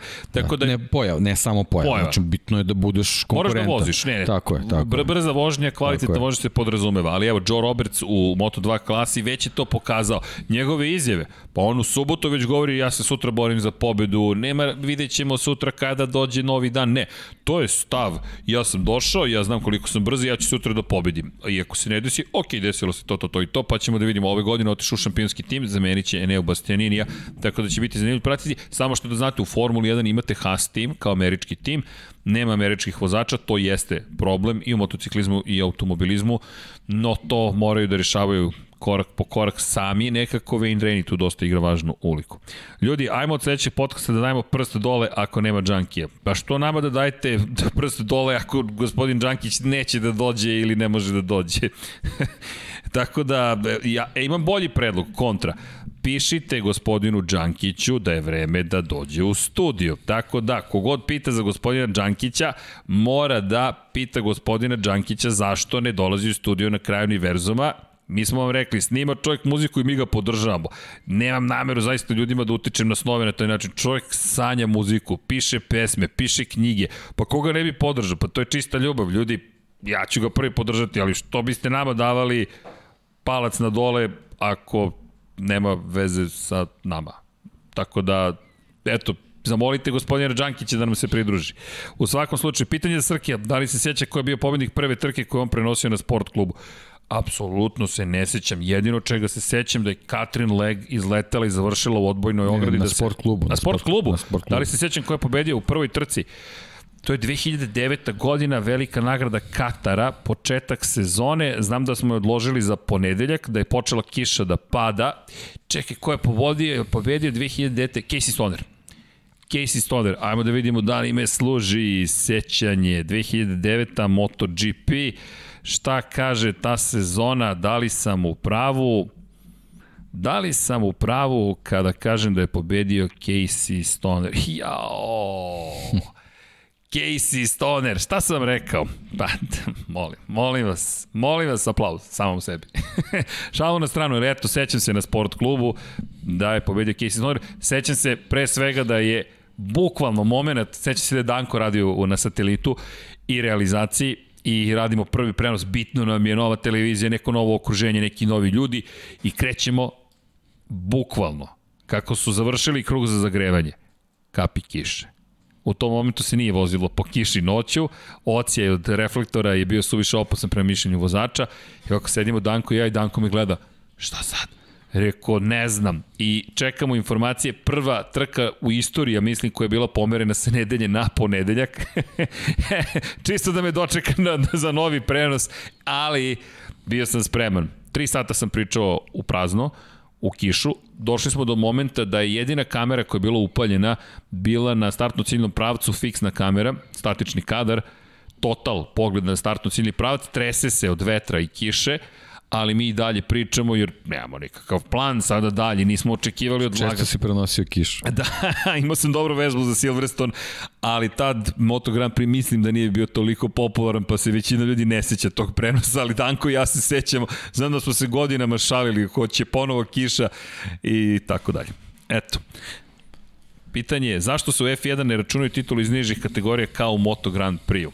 Hm, pa to je Ja mislim da je to prosto činjenica da su uvek putovali zajedno vozači 125, 250 i 500 kubika. Imali ste i, ne zaboravite, sidecar, to jest e, trke s prikolicama. Dakle, to je četvrti bio, možemo reći, četvrta Bili su kategorija. udruženi šampionati. Jeste, udruženi šampionati. Imali ste i od 80 kubika, imali ste zaista puno kategorija. To je bila celodnevna zabava.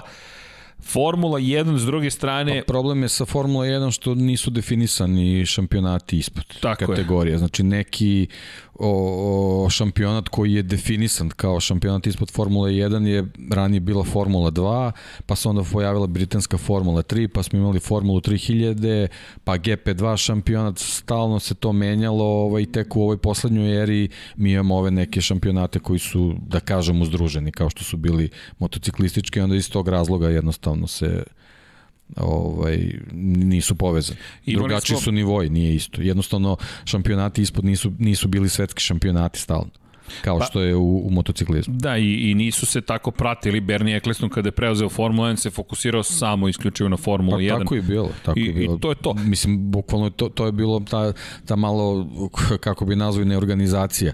Jednostavno, o, organizacija trka Formula 1 je bilo, bilo, bilo prepušteno lokalnim organizatorima. I to je između oslog zasluga Bernie Ecclestona što je nekako to unificirao i, i podigao na neki više nivo ono što je tu takođe važno napomenuti u cijeloj priči jeste da, da, da ovo što ti govoriš nekako dolazi do prekida. Formula 2 jeste postojala, ali je 80. i neke godine ona prestala da postoji, to je postala Formula 3000, pa Tako se onda je. više fokus... A kažem, paralelno smo imali Formulu 3, posebno britanski šampionat gde su sve oči bile uprte, jer to je bio šampionat odakle su se glavni kandidati uzimali. Ayrton Senna, Nelson Piquet, ne znam sad, Jim Clark, svi su oni vozači koji su iz britanske Formule 3 dolazili yes. i išli dalje. I britanska Formula Ford je takođe bila važna. Dalje, tako je, tako je. To su su, to su inače da. Formula Ford veoma značajne s obzirom na činjenicu da to pre svega formula koja se nije oslanjena na aerodinamiku koliko na mehaničko prijanjanje i tu ste mogli da vidite ko zapravo osjeća tu vrstu prijanjanja u, u, u samom bolidu. Vrlo interesantno u svakom slučaju. Možete, međutim, ta, to je neka druga istorija. Mike Halewood je inače čovek koji je svoju titulu u Formuli 2, vozeći za ekipu Johna Surtisa, jedinog čoveka koji je objedinio titulu i u Moto Grand Prix i u Formuli 1. Ali nekako kultura i, i ceo šampionat drugačije se razvija. Drugačije, potpuno je drugačija da. priča. I, I drugo, nemojte zaboraviti, Giacomo Agostini, na primjer, vozio u 350 i u 500, pa i u 750 i u 250 smo gledali vozače koji voze. I ne samo to, u automobilizam u tom periodu imaju neke druge kategorije koji su bile mnogo uh, gledani od tih nekih, nekih, nekih, nekih nižih kategorija kao što su trke izdržljivosti 24 sata Lemana i mnogi vozači su neke svoje karijere uh, preskakali su niže kategorije i odlazili u... Pa i 500 milija da, Indianapolisa da. je bio sastavni deo šampionata jedno vreme. Tako je. Tako da, da, da, da Mnogo ste gledali... je nedefinisanija Tako priča. Je. Motociklizam je od početka bio unificiran i vezani su, kalase su bile vezane jedna za drugu. Da, evo inače Marko komentariše Ducati iz 2007. se verovatno neće ponoviti nikada. Ja bih rekao, Casey Stoner se neće da. ponoviti. Jer taj Ducati iz 2007. za razliku od RC 211V je bio brz samo u rukama Casey Stoner. Tako sad, to sad kažem, rezultati tog motocikla se samo gledaju kroz njegove rezultate. Samo, da, Loris Capirosi imao par pobjeda, ali ljudi, to šta je Stoner radio s tim gumama, tim s tom elektronikom, tim motorom, to je samo on mogao. I, I svi su svodili to, ne, to je Ducati, to je sada Munja, to, je, to su samo gume, ne, ne, ne, ne, to je Casey Stoner. I to je ta veličina da je jedan od četvoro ljudi, četvorice vozača koji su osvajali titul na različitim motorima. Da, da li Mirali može da ponovi uspeh Stonera? Uh, teško, teško. Može da ostvari dobre rezultate, ali Stoner je jedna jedna posebna kategorija. Te, te, jedna zaista. Mislim da će biti na pobedničkom postolju, relativno često, ali to što je Stoner radio ljudi, to je 10 plus pobjeda po sezoni, to je dominacija, to su bitke sa Valentinom Rosijem u najboljim danima Valentina Rosija. To je moment kada Rossi hte, hoće da se osveti, uslovno rečeno, što izgubio titulu 2006. To često ponavljam tu priču. On je nosio Excalibur nacrtan na kacigi u Maleziji u predsezonskim testiranjima i kao poruka vadim mač iz kamena, sada ćete vidjeti ko je kralj. E, obilo mu se o glavu, uslovno rečeno, s obzirom da je naišao nekog klinca kod koga niko nije očekivao. Ma Ducati nije očekivao titul. Kakva crna titula, ljudi, oni, oni su doveli momka kao nekoga ko će biti buduća zvezda Loris Capirosi i dalje bio vozač broj 1 ono što je problem s Ducatijem, čisto samo da produžim tu priču, što je odmah rekao, ako Stoner može ovo, e sad će mi da dovedemo Marka Melandrija, pa će Marko Melandri da pokaže Casey Stoneru kako se vozi Moto Grand Prix motocikl i onda ćete tek da vidite koliko je moćan naš Ducati. Čisto dajte mi evo sekund samo, da se vratim na, na trku na kojoj smo bili uživo kao gledaoci, nažalost, mada smo intervjuisali neke vozače, 2008. godine, kada su vozili Dutch TT kvalifikacije. Casey Stoner 1.35.520, Marko Melandri 1.38.726. Samo da ponovim, 1.38.726 nasuprot 1.35.520. 3,2 sekunde. Poslednji čovek koji se kvalifikovao za trku 17. Marko Melandri prvi koji se kvalifikovao, to je najbolju poziciju, Casey Stoner. 3,2 sekunde je bio brži od klubskog kolegi u Asenu te godine. Tako da, Casey Stoner, to je to je jedna posebna priča. Ali, ajmo nazad. Bilo bi lepo da proradi broj 43, slažem se, slažem se. Kako, Srki, deki, kako komentarišete Juan Manuela Koreu?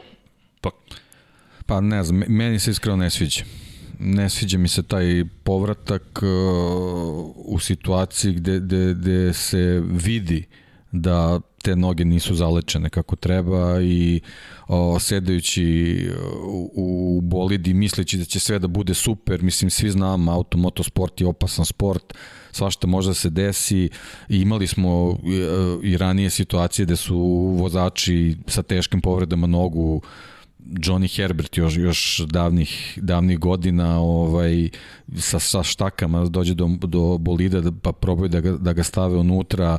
Mislim šta bi bilo da da su se da su se desili tad da, tad neki udesi? Jednostavno ja nisam za to Videli smo i Moto Grand Prix, eto pa, konkretno na primjer Marka Markeza, to, to su situacije o kojima stvarno ne treba razmišljati i, i, i ne, treba, ne treba te sportiste dovoditi u tako tešku, tešku situaciju da, da se nešto ponovo desi. Ne, Mislim, svaka da čast, super, sjajno, njegova, neverovatna njegova borba da, da, da, da, da, da ponovo ovaj, stane na svoje noge, da, da se vrati ovaj, u, u, u formu i da, da, da vozi trkački automobil, što, što je moje ono životna želja, ali jednostavno ne, ne znam, ja, ja ne volim to. Eto, to, to je neko mišljenje. Tako. Da, podrž, predivna je priča tako iz perspektive je, oporavka, ali ono što nas brine jeste koliko je funkcionalna noga i da li će time ugroziti što sebe, što drugi. To je ono što, možda smo mi samo malo, možda smo pravimo apetovci, ali uh, suviše toga smo videli, doživjeli. Mislim, prateći njegov oporavak, jednostavno pa, to, pa, izvini, on, on da bukvalno do pre mesec dana nije mogao samostalno da stoje na nogama. Da se vratim na nešto što je Rossi rekao za Markeza i za celu situaciju koju okružuje Marka Markeza. Kako su lekari mogli da dozvole da Markez iđe na stazu? Markez će uvek reći, ja izlazim na stazu. Ali ekipa lekari pogotovo ne smeju da kažu izađi na stazu. Njihovo je da kažu ti se ne pitaš. Ali ja sam Mark Marquez, ne, ne, ti se ne pitaš, jer ovo je dok naše da, polje ekspertize. Ne, ne, ne uspostavi takav odnos. Tako je, jer to je da. pitanje života, to je pitanje da. zdravlja. To je kao kad bi došao, imate, bukvalno neko sprovodi struju u garažu i dođe Mark Marquez i kaže, ja sam Mark Marquez, da. sad ću ja ti objasniti kako se uvodi ta struja. Ne, molim te se skloni ovo opasno po životu. To je isto sa lekarima. Ne banalizujem, to je isto tako ovo je moj posao. Pusti me da ja radim Moto, moj Moto posao. Moto Grand Prix treba jedan Sid Watkins, kao što je bio Formula 1, znači čovjek koji je bio veći autoritet od vozača. Znači on kad posle teže gude sa vozaču kaže ti ne nastupaš na trci, to je, to je amin, to je jednostavno, niko nije bio u stanju da, da tu odluku opovrgne i to je ono što Moto Grand Prix treba u ovom trenutku. isto brine i kod Juana Manuele Kore, ništa tako drugo. Je, želimo da se oporavi, želimo absolutno, da se trka i vozi samo naravno. da budemo svi Nisam zajedno siguran da je, da je trenutak da, da to treba da uradi. A naravno, ako nas opovrgne, fenomenalno. Absolutno. Ja, ja, ne, ja, želim, ja, ja, ja čak ne znam ni kako stane, samo želim da svi budu svesni koji daju do zeleno svetlo zajedno sa njim, da li je to prava stvar ništa drugo. A da li želimo, da želim da osvoji titul ako može, Absolut. to bi bila tek fenomenalna priča. Absolut. Inače, Boris pita ka, za, za, za motore, šta vozite na dva točka, imali odgovora? Evo, rekli smo upravo malo pre, trenutno ne vozimo ništa, da, meni pokušavaju da zabrane, ali imamo neke dogovore raznorazne, šta ćemo da uradimo i kako ćemo da uradimo ali pričat ćemo o tome. Za, sa Božim da vidimo za Indy 500 ili NASCAR, Indy, IndyCar Doubleheader, Boži sada postaje sastavni deo Lab 76, ljudi, to je i sam rekao, tražio, tako i Deki u jednom trutku poželeo, ali šalim se, šalim se. Mi smo zgrabili Dekija, ne puštamo, zgrabili smo Božija, ne puštamo ga i tako. Sve se razumemo, u svakom slučaju. Da. Inače, Andrej Božo, uh, za majice, da ponovim još jednom, ja sam napravio grešku, prošli put sam pričao o tome, požurio sam misleći daivno da, dovoljno što smo mi nešto naručili, to se desi odmah, evo Ivan se hvata za glavu ponovo, Ivan je preuzeo to na sebe, stići će, samo izvinjam se još jednom, ja sam tu bio neoprezan, rekao je to je to, gotovo je, ne, tek su izašli iz proizvodnje, tako ja sam to malo amaterski odradio i ne zamerite. Zaista se izvinjam još jednom. Uh, ceo pozdrav, tekst, uh, pozdrav. Srki u Honda VTR. Iš, VTR-ka je, to je neka ljubav, ja volim te motore, ima nešto u toj VTR-ki, zaista ima, ima nešto u tome. I nevažno je ko je proizvođač, prosto ta cela priča VTR je meni fascinantna, gde Honda kaže, ok, dvocilindraš, evo dvocilindraš za pobedu.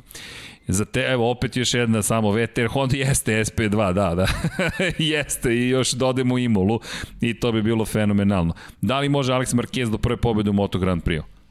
Može. Isto koji tak. I može, sigurno. Isti odgovor, da.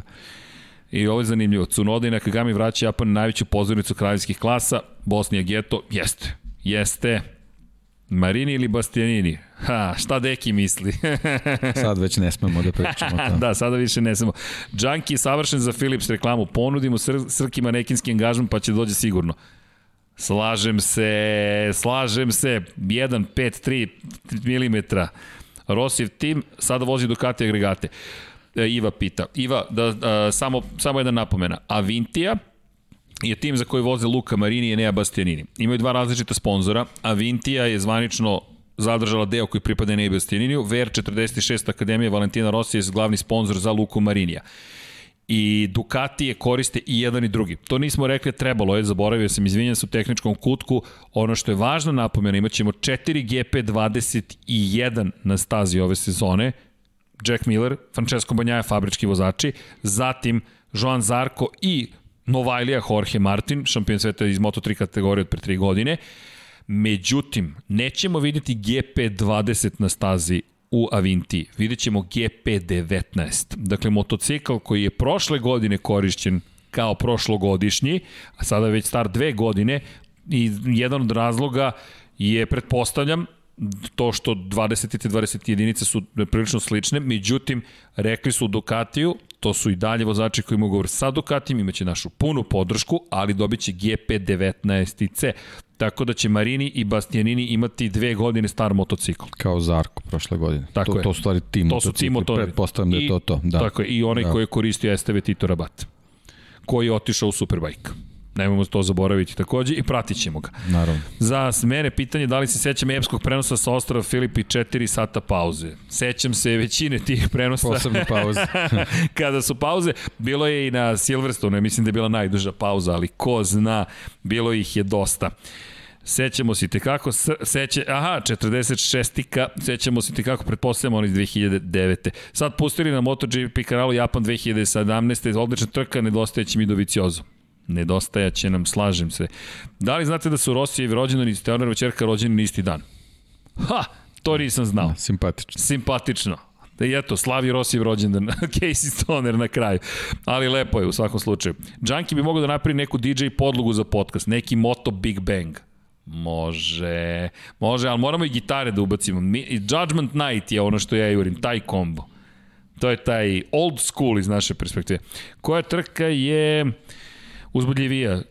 Nemačka 2006. ili Katalonija 2009. Hmm, teško pitanje. Drugačije su.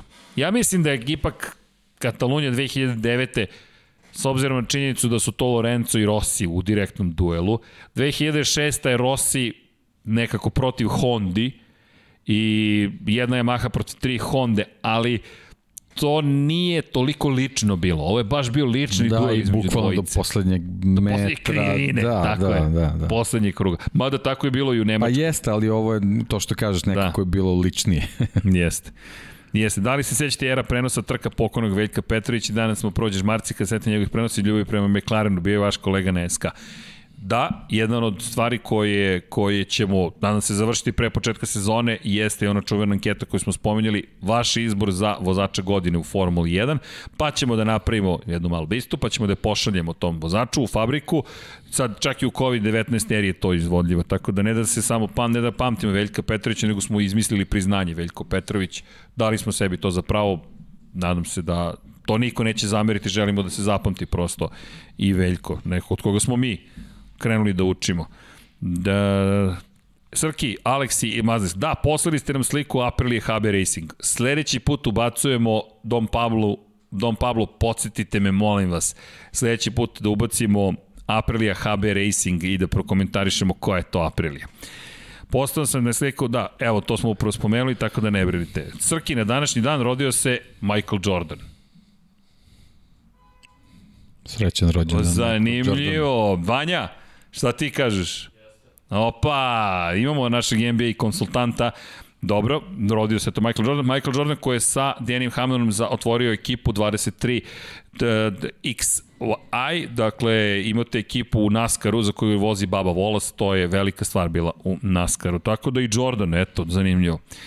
Zamislite da Aprilija dovede Lorenzi Pedrosu na jednu sezonu. Bilo bi fenomenalno. Podržavam R3DZI. Pozdrav inače i za, evo, za sve koji su se sada pridružili. Da li imamo još neko pitanje? Dom Pablo Face Reveal, to ćemo kao sa Stigom da uradimo jednom prilikom. Samo, samo polako. Da li sam nešto propustio? Da li se još neko vreme, s vremena na vreme zakuca live? Nadam se, nadam se da ne. Da li sam nešto propustio? Nadam se da nisam. U svakom slučaju, vreme je polako i da se pozdravljamo. 20 i 30, o, nisam još dobio upozorenje, deki napredujem, a sam sam svestan na 2,5 sata da je vreme da završavamo. Ok, ovo, evo, dobio sam aplauz vanje. dobio sam vanje na aplauz. Ljudi, hvala još jednom na pažnji. Juče smo došli do 5000-tog subscribera, neću vas pozivati ni nekakve veće brojke od toga, nama je super zabavno i sinoć smo proslavili, možemo i večeras da proslavimo, tu nam i deki, tako da će SK NFL podcast biti još zabavniji, koji sledi posle ovoga, za oni koji slušaju na podcast platformama, veliki pozdrav, nadam se da ćemo biti još bolji, pišite nam na YouTube-u, tu najviše komentara možemo da ispratimo, inače stiže i neke nove društvene mreže, tamo od aprila ja se nadam, tako da ćemo biti još vredniji i, i, i aktivniji, a naredne nedelje, pa vidjet ćemo šta sve spremamo, Formulu E ćemo svakako da najavimo, narednog vikenda, zaš, naredne nedelje s obzirom na činjenicu da je to jedan šampionata koji ne pratimo toliko, ali činjenica da mu treba od, pružiti prosto adekvatnu pažnju, nastavljaju se vesti iz Formule 1 utorkom, naravno, i taj specijal u Formuli E, a nas dvojica, na, eto, možda i uz gospodina Đankića sledećeg nedelje, u Moto Grand Prix i nekim novim motociklima i tehničkim analizama. Deki, To bi bilo to. Zadovoljstvo kao i uvek. I da najavimo ono što vas sve najviše zanima. Sutra sledeći Perseverance na Mars, Deki Potkonjak i moja malenkost, 18. februar, 20 časova i 15 minuta. Mislio si da si se izvukao, ali nisi. I time ćemo završiti Lab 76 broj 72. Ćao svima!